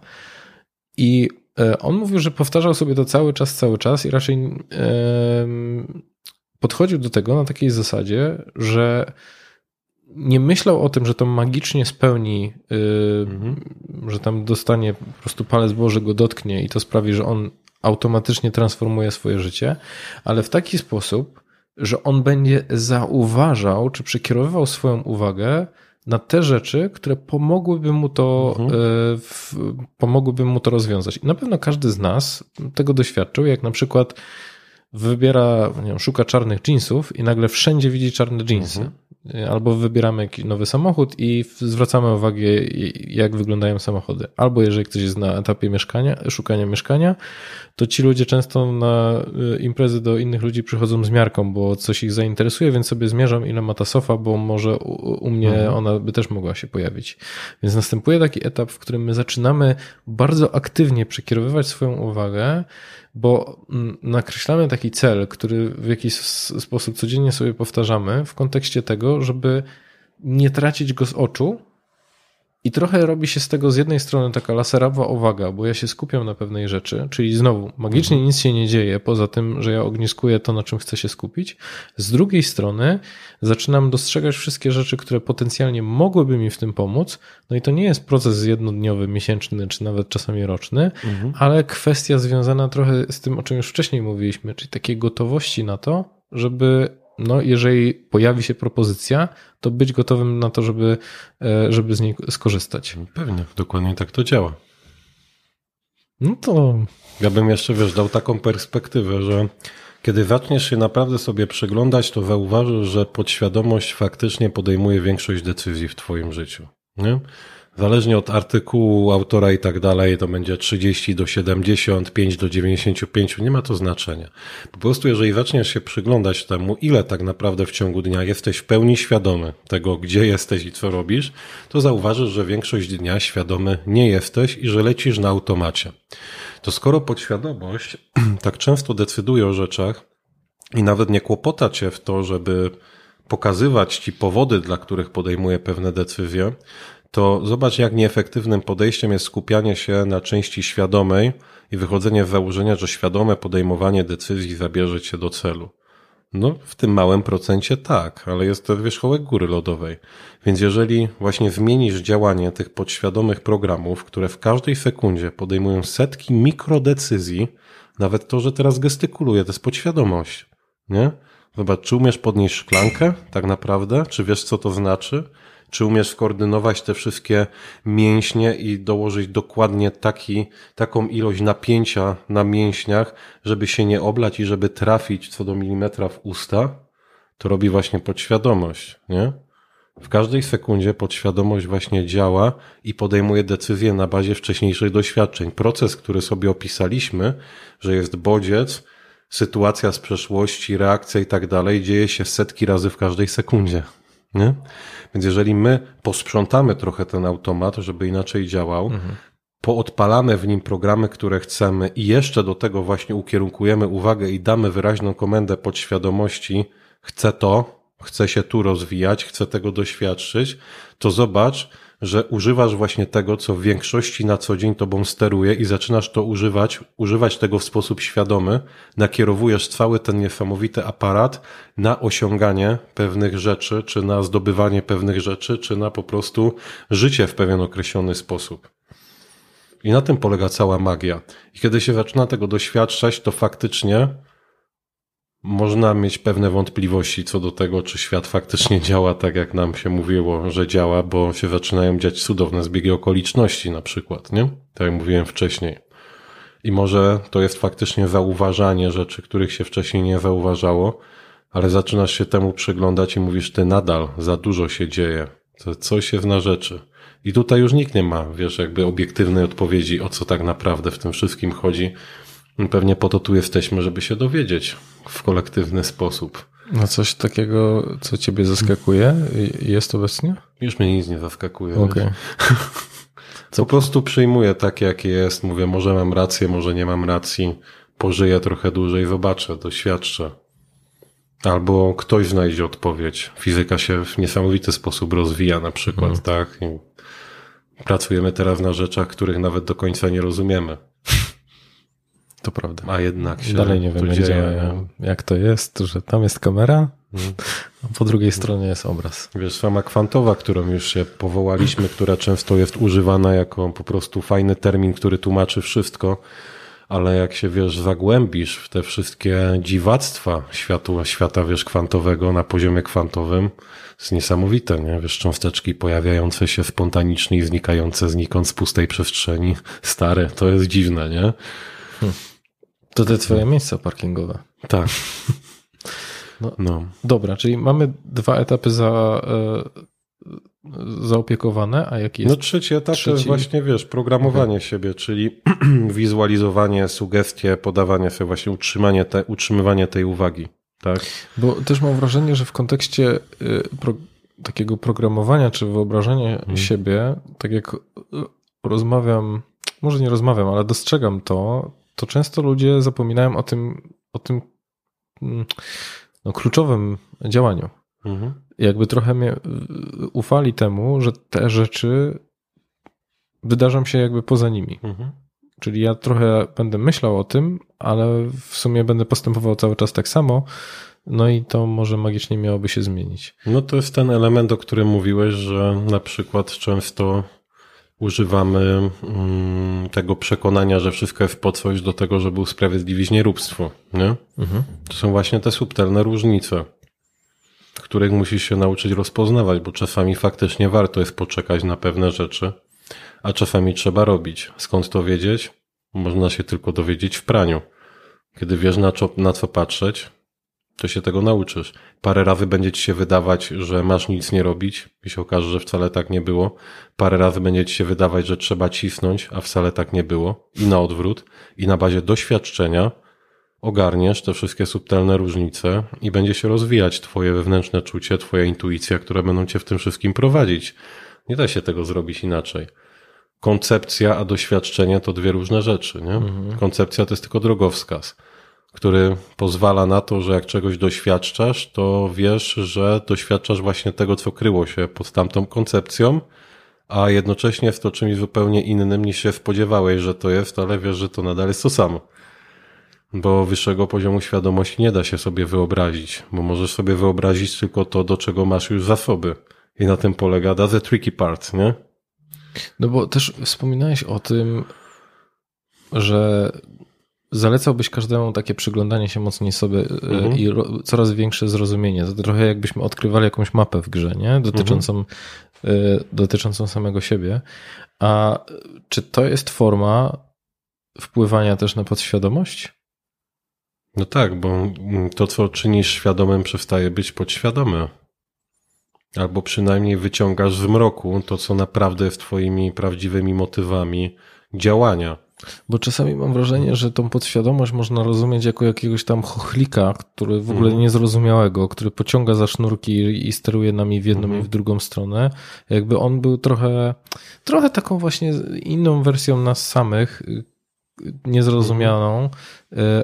A ty trochę mówisz o tym, że to jest mm, jakby taka ta góra lodowa, która jest zakryta i im bardziej ją wyciągamy do góry, tym mm, większą mamy kontrolę nad mhm. nią. Wiesz co, używam do tego nawet jeszcze innej metafory. Ja życie widzę trochę w taki sposób, że w którymś momencie nagle budzisz się w kokpicie samolotu, który już leci i nie masz pojęcia, jak się tym samolotem steruje. Nie wiesz, do czego jest ster, do czego są te wszystkie zegary, nie wiesz, dokąd on leci i może być jeszcze przerażająco w nim, nie? Mhm. Może, mogą być akurat turbulencje i burza. I mówisz, nie wiem, co jest. Ale zauważ, że jest autopilot odpalony. Mhm. I może być strasznie, możesz nie wiedzieć, o co chodzi, ale nie pikujesz nosem w dół. I to jest podświadomość, ten autopilot. I w miarę jak żyjesz, zdobywasz trochę więcej doświadczenia, zaczynasz kumać, do czego są zegary, zaczynasz kumać, do czego jest ten ster i w coraz większym zakresie jesteś w stanie samodzielnie sterować tą maszyną, mimo że nadal większość udziału ma autopilot i nie pozwoli ci na żadne gwałtowne i solidne ruchy. Ale w miarę jak poznajesz siebie i zaczynasz rozumieć, jak ta maszyna działa, w końcu będziesz w stanie rozkminić mapę, którą masz, zdecydować, do którego portu lotniczego chcesz się skierować, jaką drogą to zrobić, w jaki sposób świadomie omijać burze i różne inne trudności i tak dalej, i tak dalej. Nie? Podświadomość nie jest żadnym chochlikiem, nie jest żadnym wrogiem, nie jest żadną, e, wiesz, ciemną siłą, która próbuje ci coś przeszkodzić, nie jest też głupim systemem, systemem jest po prostu automatem za, za, zaprogramowanym przez doświadczenia Twoich rodziców i Twoje doświadczenia z dzieciństwa, żeby utrzymać Cię przy życiu. Działanie podświadomości zawsze ma pozytywne, e, pozytywną intencję. Tak to się ładnie nazywa. Problemem jest to, że tego nie widzimy, nie rozumiemy, nikt nam tego nie pokazał, brzmi to potem dziwnie. Dołóż do tego jeszcze te wszystkie, wiesz, prawa przyciągania, afirmacje i odjechane teorie i z podświadomości się robi jakieś mistyczne coś. To jest po prostu część twojego komputera, której nie widzisz. Jak odpalasz swojego notebooka, to też nie widzisz większości procesów, które tam zachodzą, tylko widzisz to, co się wyświetla na pulpicie dla użytkownika. Nie widzisz kodu, który jest przetwarzany w każdej sekundzie, bo masz mieć po prostu efekt, funkcjonalność programu. Tu jest to samo. Jakie na górze, takie na dole, jakie na dole, takie na górze. Nie? My stworzyliśmy komputery na obraz siebie. Jeżeli, często mówię to ludziom w IT, jeżeli kumasz architekturę systemu operacyjnego, to kumasz jak działa umysł, jesteś już psychologiem. Tylko se musisz zdać sprawę, że to jest tak samo poukładane. Nie? Tak, to jest to, to jest, no, na tym jest ta historia, wiesz, biblijna, że jesteśmy na obraz Boga, w tym sensie jesteśmy, na obraz umysłu, który, w którym się rozgrywa cały wszechświat, nie? Jesteśmy na tych samych zasadach i tak samo tworzymy teraz komputery i AI na tych samych zasadach, na jakich nasz umysł działa. Nie, to jest wszystko dokładnie takie same, jest wielki fraktal, nie? I właśnie w tym sensie możesz się skupić na dowolnej części tego wszechświata, na dowolnie małym odcinku czasu i po prostu popatrzeć, co się dzieje. Możesz wziąć sobie szklankę, przepraszam, i popatrzeć przez parę sekund na nią i zobaczyć, co robi twój umysł i zobaczyć, w jaki sposób jest dopisana do tego nasza idea szklanki. I to cię nauczy umyśle. Nie? Nie potrzebujesz do tego książek tak naprawdę, jeżeli pod, wiesz na co patrzysz. Możesz popatrzeć na relacje pomiędzy, wiesz, różnymi elementami przyrody. Możesz popatrzeć, jak liść opada na, na wietrze. Popatrzeć, co się dzieje w tej konkretnej sekundzie. To wszystko naprawdę w ten sposób działa, nie? I tym jest podświadomość. Tą częścią, której nie widzisz. Jak jesteś programistą, to możesz sobie odpalić konsolę w komputerze i zacząć oglądać kod. I zobaczyć, dlaczego akurat kiedy klikniesz na ten guzik, to dzieje się pewna rzecz na ekranie. I jeżeli wiesz na co patrzysz, to jesteś w stanie zrozumieć, jak ta maszyna działa. Zobaczysz logikę całego kodu, a nawet głębiej zobaczysz, w jaki sposób jest przetwarzany prąd na procesorze ze względu na te znaki, które są wklepane i jak to się przekłada potem na piksele. Czyli dochodzisz do sedna, do istoty rzeczy. Tylko potrzebujesz treningu. Musisz uczyć się czytać kod i pisać kod. That's all. To też jest część, której normalnie nie widzisz. Nie? Czy kod programu to jest chochlik albo ciemna siła jakaś, która jest nie do zrozumienia? Wręcz przeciwnie, opiera się na logicznych prawach. Podświadomość też, prawo przyczyny i skutku. Ales, jeżeli kumasz prawo przyczyny i skutku, to jesteś w stanie skumać podświadomość. No dobra, jeżeli budzimy się w tym kokpicie samolotu i widzimy że ten autopilot jest włączony i to daje jakiś względny spokój i zaczynamy rozglądać się patrząc na mnogość tych wszystkich przełączników, busoli, kompasów, których nie rozumiemy. Czy to nie powoduje swego rodzaju przerażenia? Bo ty mówisz o tym takim spokoju, który jest w tobie i mhm. w, no jakbyś tak już wiedział o co chodzi ale mam wrażenie, że im więcej wiemy, że nie wiemy, tym bardziej może się wydawać to przytłaczające w momencie, kiedy sobie uświadamiamy, kurczę, jak w ogóle dużo przed nami. Mhm. To jak sobie z tym radzić? Iść dalej w proces. Ja doskonale wiem, o czym mówisz, no bo też tam byłem. Też wiesz, ja byłem wręcz przerażony tym, co się ze mną na przykład dzieje. Byłem przerażony tym, jak bardzo na przykład nie mam kontroli nad sobą, mimo że wydawało się, że mam i tak dalej, i tak dalej. Jakby te, te lęki są przez jakiś czas. Jeżeli idziesz dalej przez tę mgłę, to w którymś momencie zaczynasz po prostu rozumieć naturę lęku. I puszczasz lęk, nie? Ja sobie zbudowałem taki model jakby rozwoju po trójkącie. Bo to, co zwykle się dzieje, możemy wziąć coś prostszego, czyli mm, weźmy sobie niskie poczucie własnej wartości, nie? I przechodzisz z jednej strony skali na drugą, możesz paść na przykład w narcyzm. Mhm. Nie? To jest jakby różne aspekty tego samego problemu. Nie? Czyli fałszywe poczucie własnej wartości versus brak poczucia własnej wartości wychodzi z braku. Czyli tutaj się poddajesz temu uczuciu, a tu próbujesz udowodnić, że go nie ma. Przemieszczanie się po skali w te czy we w te nie rozwiązuje w żaden sposób problemu, prawda? Musisz zrozumieć, czym jest poczucie własnej wartości wyjść ponad to, wtedy przestają cię te rzeczy dotykać. Czyli idziesz po trójkącie do góry, no jakby wymiar wyżej. Mhm. Nie? Z poziomu tego wyższego wymiaru po prostu te problemy przestają mieć znaczenie. Tak samo jest z lękiem. Lęk i potrzeba braku lęku jest tym samym. Boję się kontra nie mogę się bać. Czy boję się kontra mam potrzebę, żeby się nie bać, to jest działanie wychodzące z lęku, w sensie w braku, tak?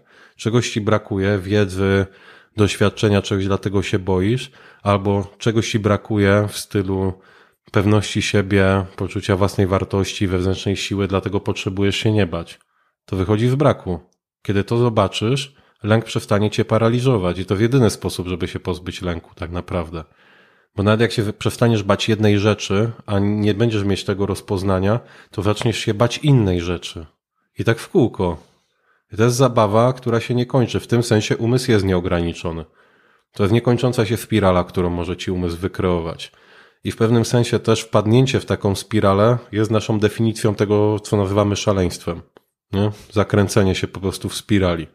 Jedyny moment, w którym możesz wyjść ze spirali, to zrozumieć naturę spirali. Wtedy ona przestanie się wiecznie odpalać w kółko i w kółko. Nie? Tego na przykład psychodeliki mogą doskonale nauczyć. Tam bardzo łatwo jest spaść w spirale i z niej nie wyjdziesz, dopóki się trip nie skończy, albo dopóki się nie połapiesz, czym to jest i do Mhm. czego cię to trenuje. I tak dalej, i tak dalej, nie? Więc wiesz, ten, w momencie, w którym popatrzysz na ten lęk od tej strony i doświadczysz tego, o czym mówię, lęk przestanie robić na ciebie, na tobie takie wrażenie już. On przestanie być częścią twojej rzeczywistości. Nie w tym sensie, że się przestanie pojawiać, tylko kiedy się ponownie pojawi, z zupełnie innego poziomu go doświadczysz i po prostu go doświadczysz, a nie opanuje cię. Trochę jak o tym wszystkim mówisz, to, to kojarzy mi się z takim spojrzeniem na większość rzeczy z tego, e, trochę z perspektywy, z, z tego, Mhm. można by to nazwać tym metapoziomem, albo właśnie czymś takim trochę z boku, jakby się przyglądnąć temu i zadać pytanie w ogóle, o co chodzi, dlaczego to się pojawia. Mhm. Y, Czego się nauczyłeś o ludziach, pracując z nimi? Że nie ma ludzi leniwych, nie ma ludzi głupich, nie ma ludzi niedostatecznie dobrych, że są tylko iluzje umysłu. No, z jednej strony tak, ale z drugiej strony mamy jakieś twarde ograniczenia. W pewnym sensie są, tak, ale wiesz, to działa trochę inaczej niż nam się wydaje. W sensie w takim trybie, wiesz, domyślnym. Mhm. Bo ja kiedyś myślałem, że wiesz, mm, jak byłem młodszy, że ludzie popełniają błędy, bo są idioci. Nie? Że ludzie się zachowują tak, jak się zachowują, bo im brakuje piątej klepki. Nie?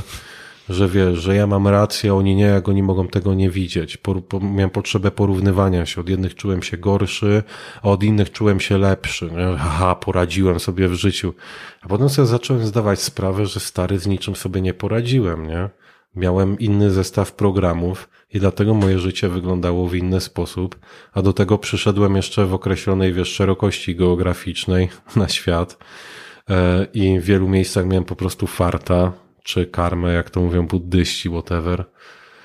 I zdałem sobie sprawę, że gdybym był w miejscu tamtych ludzi, gdybym miał tamte doświadczenia, pochodziłbym z tamtego miejsca, mierzyłbym się z takimi, a nie innymi wyzwaniami, to bym sobie wcale lepiej nie poradził. Nie? I że w niczym nie jestem lepszy od innych ludzi, a oni nie są w niczym lepsi ode mnie, ani w niczym gorsi. I to było takie chyba dla mnie najważniejsze zrozumienie, że kiedy kumasz, jak ten umysł naprawdę działa i co on kreuje, to w zupełnie naturalny sposób, w miejsce całej nienawiści, złości i tak dalej, pojawia się współczucie. Ale nie współczucie z poziomu wyższości, współczuję ci, bo jesteś jakiś, nie, tylko I know what you feel. I nawet nie tylko na zasadzie, że byłem tam, dlatego wiem, tylko rozumiem, jak działa umysł i potrafię zrozumieć, dlaczego tak patrzysz na rzeczy, dlaczego kierują tobą takie emocje i widzę, czego nie widzisz. I chętnie ci to pokażę, jeżeli chcesz posłuchać, a jeżeli nie, to wysyłam głęboką intencję, żebyś odnalazł to na swój własny sposób, żeby udało ci się właśnie dojść do tego, można to nazwać, wiesz, wyzwolenia, gdzie po prostu widzisz, przynajmniej w tym zakresie, naturę rzeczy, co daje ci spokój i uwolnienie od tych wszystkich uprzedzeń, ocen, nienawiści, wyższości, tego takiego egotycznego podejścia do świata, które też jest skorelowane bezpośrednio właśnie z lękiem, o którym mówisz, nie? Za lękiem, w sensie za, za lękiem zawsze kryje się ego, nie? Tak samo jak za agresją zawsze kryje się lęk, nie? I tak dalej, i tak dalej. Jak to widzisz, to wiesz, masz po prostu spokój, masz dystans do tego i też dystans do siebie, bo też jesteś człowiekiem nadal w tym wszystkim, nie? Mhm. Tylko po prostu już kumasz, troszkę więcej widzisz, nie? Tak jak o tym opowiadasz, to, to też y, to taka chyba psychologiczna przypadłość, nie? że jak w pewnym momencie masz możliwość konfrontowania się z tym, co stoi za przyczyną poszczególnych zachowań, to w momencie, kiedy ktoś na ciebie trąbi, bo się zagapiłeś, to już nie myślisz Mhm. sobie, co za but, tylko możesz doświad- no, zajrzeć trochę w ten jego świat i pomyśleć sobie, okej, no to rzeczywiście coś musi być na, Mhm. mocno sfrustrowanego w, w tym, co się dzieje u niego albo w nim jako osobie, Mhm. co sprawia, że on tak, tak nerwowo reaguje. Mhm. Saga wewnętrznej wojny. Dla kogo jest ta książka? Dla każdego, kto czuje, żeby przeczytać. Słuchaj, na pewno dla każdego, kto przesłuchał do tego momentu, bo to, bo to znaczy, że w jakiś sposób to rezonuje. Mhm. Chyba, że słuchasz tylko po to, żeby napisać mi, że nie mam racji. To, to też nie, jestem nie, nie, wdzięczny. to się nie słucha e, do, do końca, żeby napisać, że nie Różnie bywa, nie? Mhm. Różnie bywa. Inaczej. Saga wewnętrznej wojny jest dla każdej osoby, która czuje, że tą wewnętrzną wojnę prowadzi i nie do końca jej się uśmiecha to, nie? że nie do końca czuje, że chce tak życie przeżyć, że to nie jest odpowiedź na wszystkie pytania, która pomimo wielu prób, prób mhm. pomimo wielu prób nie osiąga tego, co chce osiągnąć i chce, i czuje, że jest po prostu gdzieś tam w środku, że jest coś więcej w tym wszystkim, że to musi inaczej działać, że to nie do końca ma sens, tak jak w tym momencie wygląda świat. To tutaj tą książkę pisałem z takim intencją, żeby właśnie pomóc ludziom w, w, odnalezieniu swojej własnej nawigacji w tej całej podróży, bo zauważyłem, że wiesz, mam kurs programowanie podświadomości, który daje narzędzia, ale nie każdy jest się w stanie odnaleźć z tymi narzędziami. Zastanawiałem się, co sprawiło, że ja się odnalazłem, nie? I to nie, nie jest to, że byłem mądrzejszy, czy że miałem jakieś lepsze warunki, tylko miałem pewnego rodzaju filozofię i tą umiejętność łączenia kropek i umiejętność nadawania sensu. A ona właśnie wynika tak naprawdę z umiejętności patrzenia w głąb siebie. I taka podstawowa zasada, która mi przyświecała za tą książką, to jest to, że ja nie chcę pokazywać ci, co myśleć, tylko chcę pokazać ci, jak warto myśleć, żebyś odkrył swoje własne co myśleć. Bo u każdego to będzie zupełnie indywidualne. Mhm. Czyli instrukcja obsługi umysłu, ale nie na zasadzie sekcji, trików i narzędzi, tylko właśnie na zasadzie tego, o czym rozmawiamy, jak rozwijać swoją świadomość, głównie na zasadzie zapytywania siebie i przyglądania temu, co się dzieje w środku. I tak się zdarzyło, że doskonale mi się to spina z mądrością zawartą w nordyckich sagach, w runach, które są po prostu, wiesz, symbolami i tak należy je traktować jak taki układ okresowy, wiesz, koncepcji na temat umysłu, człowieka, wszechświata i tak dalej. Wszystko to się po prostu złożyło w cały system. Jakbym był nawiedzony, to mógłbym powiedzieć, że dostałem przekaz. Ale nie jestem, dlatego po prostu umysł mój uważam, że złożył to po prostu w język symboli, które do mnie przemawiały i daje to pewnego rodzaju usystematyzowanie, ułożenie tej wiedzy. I to dla takich osób jest, które czują, że w ten sposób chcą ze sobą popracować trochę inaczej niż się można spodziewać trochę od innej strony, y, trochę w takim baśniowym, powiedzmy, klimacie w tym wszystkim. Mhm. Ja jestem sam ciekaw. Też widziałem, że Mateusz Buda już mhm. czytał, więc, yy, więc chętnie zobaczę. Dobra. Jeżeli yy, miałbyś zostawić ludzi z taką jedną radą dotyczącą tego, w jaki sposób zmieniać siebie, i ktoś jest na takim, w takim momencie życia, że czuje, że nie do końca mu idzie. Nie, jakby jest, czuje się trochę w tym, jakby był, miał kulę u nogi. E, to co, co byś poradził takiej osobie? Od czego, od czego zacząć? Jeżeli interwencja musi być szybka, to od sesji, mhm. od znalezienia nauczyciela, mentora, terapeuty, bo naprawdę samemu, ja nie zbudowałem tego wszystkiego samemu. Ja to mam tylko dzięki ludziom, których spotkałem, dzięki ludziom, którzy uwierzyli we mnie, zanim sam byłem gotowy w siebie uwierzyć, dzięki ludziom, którzy zechcieli się podzielić odrobiną swojej wiedzy, którzy rzucili jakiś tytuł książki. Samemu się nie da tego wszystkiego ogarnąć w całości. Warto się w tym trenować, ale zawsze w potrzebny wzrok gdzieś tam z boku. Ja też mam całą grupę wokół siebie, wiesz, ogarniętych ludzi i patrzymy na siebie nawzajem, bo nie zauważamy wszystkiego w sobie. są ludzie z różnego świata. Mamy, wiesz, szamanów, nie, mamy terapeutów, hipnotyzerów, wiesz, każdy ze swojej parafii i patrzy po prostu ze swojej perspektywy na tego drugiego, bo nie wyłapiesz wszystkiego w sobie. To jest mhm. niemożliwe. Więc znajdź kogoś, nie? Jeżeli masz trochę więcej czasu, to zacznij po prostu patrzeć, co się dzieje ze zamkniętymi powiekami, a potem nawet z otwartymi, bo medytacja to nie jest siedzenie zamkniętymi oczami, nie? To jest uspokajanie umysłu, to jest shina, to jest zupełnie coś innego, nie? Czy tam znowu zależnie od tradycji ma to inne nazwy, ale kiedy siedzisz tylko z zamkniętymi oczami i patrzysz na oddech, to nie medytacja, tylko uspokajanie oddechu. Praktyka wstępna do medytacji. Nie? To sobie u, u, ułóżmy na sam początek. Medytacja to jest sztuka patrzenia na swój umysł, introspekcji. Dostrzegania właśnie istoty rzeczy. O to chodzi w medytacji, możesz to robić w każdej sekundzie swojego życia. Tylko żeby to było możliwe, trzeba troszkę uspokoić umysł, żeby po prostu w tej sieczki wejść. A ta sieczka jest znowu wynikiem działania różnych programów, lęków, schematów, braku treningu, wszystkiego po kolei, nie? Także nie ma innej drogi. Można tylko to odnaleźć w sobie. A co to dokładnie znaczy? Nikt ci tego nie powie. Czym dokładnie jest zaglądanie w siebie? Musisz to odkryć po swojemu. Jeżeli jeszcze tego nie odkryłeś, to były ku temu powody luz, nie? Zapamiętaj, że wszystko jest z tobą okej, okay, naprawdę, nie? Tu nie ma rzeczy do naprawiania i leczenia. To są rzeczy do uświadomienia i ułożenia. No dobra. To tym pozytywnym akcentem zakończmy. Także dzięki wielkie za rozmowę. Dziękuję również. Słuchasz podcastu charyzmatyczny. Zasubskrybuj, daj kciuk w górę lub skomentuj.